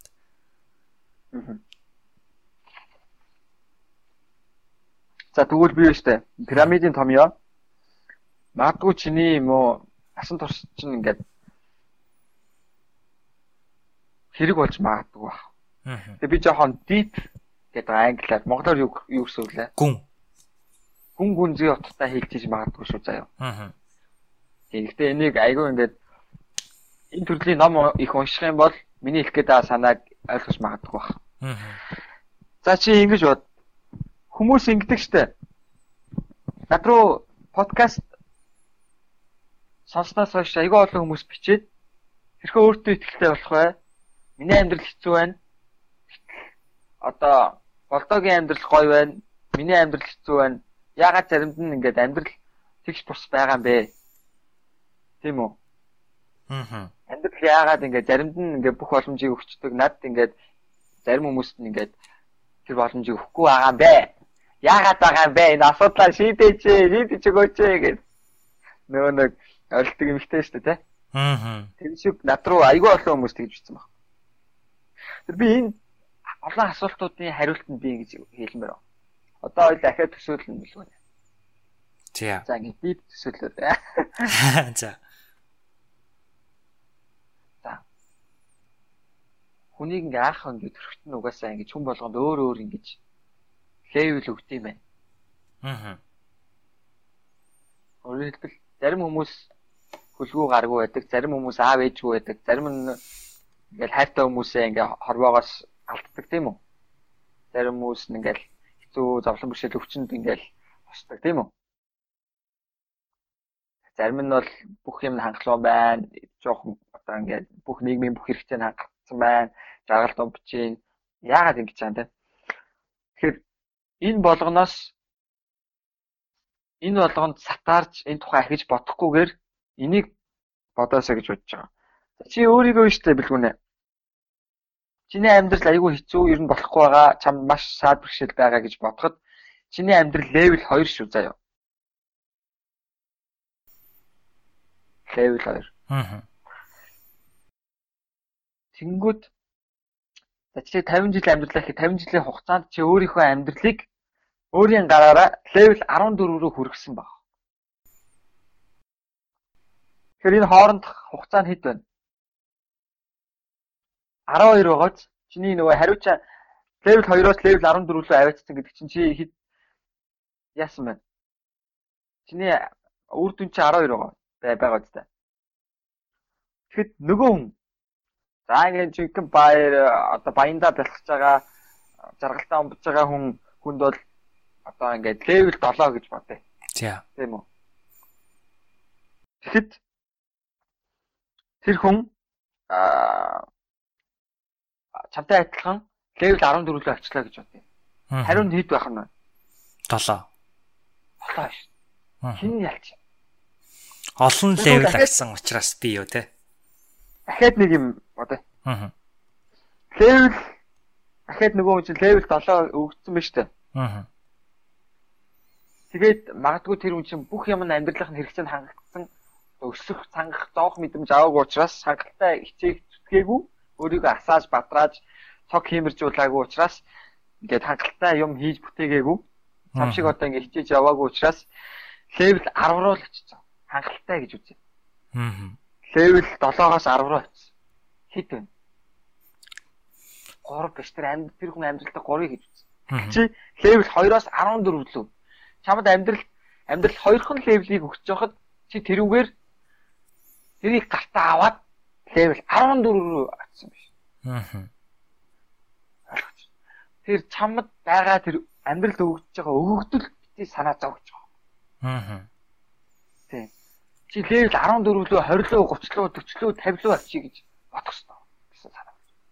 Өөртөө байгаа бүх юмаа бити гол зүгээр л өөртөө байгаа бүх боломж ороод тэр нь санаа зовхгүйгээр зүгээр л тийшээ очиж тийм болъё гэж ингэж бодох хэрэгтэй гэсэн. Аа. Тэмүүл өөрийгөө хурдтай байлаа гэсэн. Аа. За энэ нэг юм юм байгаа. А ингээд энэ пирамидын гол томьёо нь юу вэ гэхээр вэ штэ. За энэ болохоор нөгөө нэг халаалтын пирамидын гол томьёо нь штэ тий. Аа. ингэж байгаа. Чи ямар нэг одоо подкаст хийх үү бэлгүнэ. Чи бол подкаст хийж байгаа чинь аа маш импрув хийж байгаа заа өөрөө өөрийгөө. Аа. Яад вэхэр чи өөрийнхөө амьдралынхаа цикл болгоныг нэг гурвалжин пирамидаар төсөөлдөө. Чи Египт пирамидыг мэднэ шүү дээ. Жижигхэн жижигхэн пирамидыг сонгоц заа. Аа. Ойлгож байна уу? Аа. Чи ямар нэгэн зүйлийг ард гараад ямар нэгэн зүйлийг сайн хийсэн тохиолдолд тэр пирамидыг чамд to get буюу чи тэр пирамидыг олж авна гэсэн. Аа. Жишээ нь англи хэл аягүй сайн аваад ямар нэгэн сертификаттай болчихж байгаа бол чи нэг пирамидтай болчихлоо гэсэн. Аа. А чи их сургууль сая тэнцсэн тийм үү? Их сургууль магадгүй хизээч Америкт сургууль тэнцэхийн тулд энгийн хүн бол тэнцэхгүй л дээ. Чи бол угаасаа аягүй хичээл хөтөлтэй байсан болохоор тэнцэж байгаа учраас чи бас нэг пирамидыг олоод авчиж байгаа гэсэн. Аа. Одоо чи подкастта тууштай үргэлжлүүл чинь чи магадгүй 100 дугаар бэлдэнэ гэсэн зорилго тавьсан байна гэж бодоход чи бас нэг пирамидын төлөө чи ингэ явж байгаа байхгүй. Аа. Ойлгож байна уу? Аа. Хүмүүс хүн болгоны хүн яах вэ гэхээр одоо тэр нөгөө нэг шантардаг шүү дээ ямар нэг юм хийхин төлөө. Тэ мэ? Аа. За яста энийг ч арай дийлэхгүй би сургуульд ч арай тэнцэхгүй юм да. Материалаа өгч болохгүй юм да. Энэ байгууллага арай намайг авахгүй байх та. Одоо би ч одоо сайн нөхөр байж чадахгүй юм да гэх юм уу. Тэ мэ? Хүн болгоны бэрхшээл хүн болгондоо л хүнд гэж байгаа. Тийм учраас ямар нэгэн тэр хүнд гэж санагдаж байгаа зүйлээ зүйлийнхээ үр дүнгийн пирамидч гэсэн санаа хэлж. Ямар нэгэн байдлаар жишээ нь хоёлоо бод. Нэг хүн ажилд ингээд ороод ингээд ажил нь бүр ингээд эргэн тойронд хүмүүстэй санал нийлэхгүй ингээд ингээд байж тийм ээ. Асуудал донд ороод. Тэрийг хүн юу гэж бодох вэ гэхээр пирамидлахтаа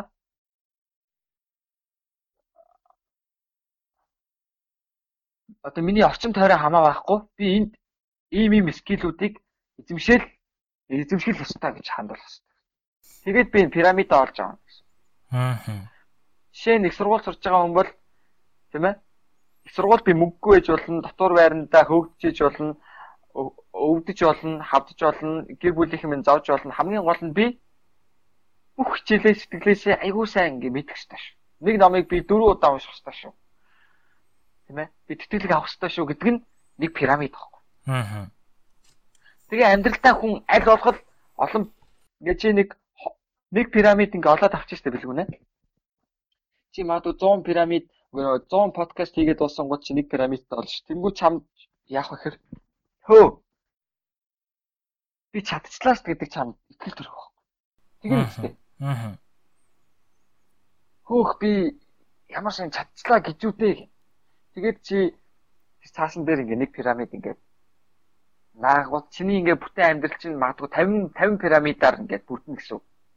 Тэр юу пирамидлах вэ гэсэн үг байхгүй. Аа. Тэр чи амьдралдаа 50 50 пирамидыг гаргах хэрэгтэй. Магадгүй чи тэр пирамидаа айгүй дотоо халтуурд хийх юм бол тэр пирамид чи магадгүй хэврэг болно гэсэн. Тэгээд тэр пирамид чинь доотлох чи хэврэг болохоор дээдлэх бүх пирамид чинь нурна гэсэн. Аа. Тэг амьдралдаа 50 пирамидтай юу пирамидлах вэ гэсэн. Зөв зөв. Энэ пирамидын томьёог би 7 жил бодож бодож бодож бодож бодож бодож байгаа боловсруулсан. Тэг би яг анх удаа чиний подкастаар ингэж ил болгож гаргаж байна. Тэг миний үргэлж энэ дэвтэрэн дээр бол бичигдчихийдэг зүйл энэ тухай би бодож идэв. Тэгээд магадгүй 10 жилдээ би ямар нэгэн нэвтрүүлэг үзэхэд ерөөсөй ойлгохгүй бол би одоо ямар нэг нэвтрүүлэг үзэхэд одоо миний бүх бодож байгаа юмнууд ингээд бүх юм ингээд холбогдчихийдэг. Уяал уялдаа холбоотой ингээд бодогдчихийдэг. Аа. Тэгээс анхны бэлэг болгож ингэж ярьлаа. Тэгээ магадгүй би айгүй тойруулж юм уу ингээд дэлгэрүүлж би бутгаар ярьсан байж магадгүй. Тэгээд цааш цаашдаа илүү интеллектуал хүмүүс залуучууд маань интеллектуал болохоро бүр илүү их гүнзгий ойлгоод миний тэр пирамидын томьёог ойлгож магадгүй ч гэж маа гэж бодож байна. За тэгээд өдрөгтэй урьсан явдал баярлалаа гэлүнэ. За тэгэлгүй яах вэ? Маш их баярлалаа. Тэгээ өөрийнхөө хүнтэй ерөөсө хуваалцж байгаагүй пирамидын томьёо хийгээд босод олон гайхалтай түүхүүдтэй хуваалцсан маш их баярлалаа. Тэгээд өнгөрсөн 4 сарын хугацаанд мөн хамтдаа байж үргэлж дэмжиж, санс тэгтлээ солилцож тийм ээ ийм одоо сайн найз байсанд чинь би бас маш их баярлж байна. Тэгээ өнөөдрийн урилгыг хүлээж авсан маш их баярлаа. Тэгээ илээ эргээд удахгүй багадгүй дахиад уулзах тэрхүү өдрийг тесэн ядан хүлээж яа. Тэгнэ билүү амжилт хүсье бас нэвтрүүлэг подкаст сонсож дуустал нь сонсож байгаа хүмүүс бас байгаа, дуустал нь сонсохгүй хүмүүс байгаа. А гэхдээ би нэг зөв хүмүүст хамгийн сүүлд төсөд нэг юм хэлээ. Аа. Нэг ийм үг байдаг байхгүй юу? Францад одоо нэг сургууль төр бидэрт Нобелийн шагнал авсан багш ингэж хэлсэн. Аа. Нэг номыг 5 удаа уншихгүйгээр тэр номыг уншсанд битгий тооц гэсэн. Аа. Тэгээд аа тэгсэн чинь тэр нөгөө англи хэлний одоо уйлдуулж ярихад нөгөө англи хэлний нөгөө охин байна штэ. Аа. намайг ингээд ном ном уншаад уншижсэн чинь асуусан баг. Чи энэ номыг хэд удаага уншиж байгаа юм бэ гэх нэг Кеннисийн тухайн ном уншижсэн чинь дөрөвт удаага уншиж байгаа гэсэн чинь. Аа. Одоо тэгчихсэн баггүй. Жулап жулаптиан гэж байгаа баг. Монголоор орчуулах юм бол чи эзэмшиж унших юм а те гэж байгаа. Аа. Чи эзэмшиж унших юм а те гэж. Тэгэхээр магадгүй подкастыг ганц удаа сонсоод өнгөрөх шүү. Тэр бай. 2 3 4 5 удаа сонсож ич миний хэлэх гээд байгаа санааг магадгүй ойлгож Тэр чинь чиний бүр сэтгэл бүх юмд чинь гэж шингэн гэсэн санаа хэл. Аа. Тэгэлгүй яах вэ? Чамаа байнга санаалж өө ингэс л тэгс шүү дээ. Тий. Ингэж хэлж байгаа тий. За ингээ баярлалаа танд гинэ. За тэгье. Ингээд энэ үргээд нэвтрүүлгээ өндөрлүүлж байна. Баярлалаа. Баяр та.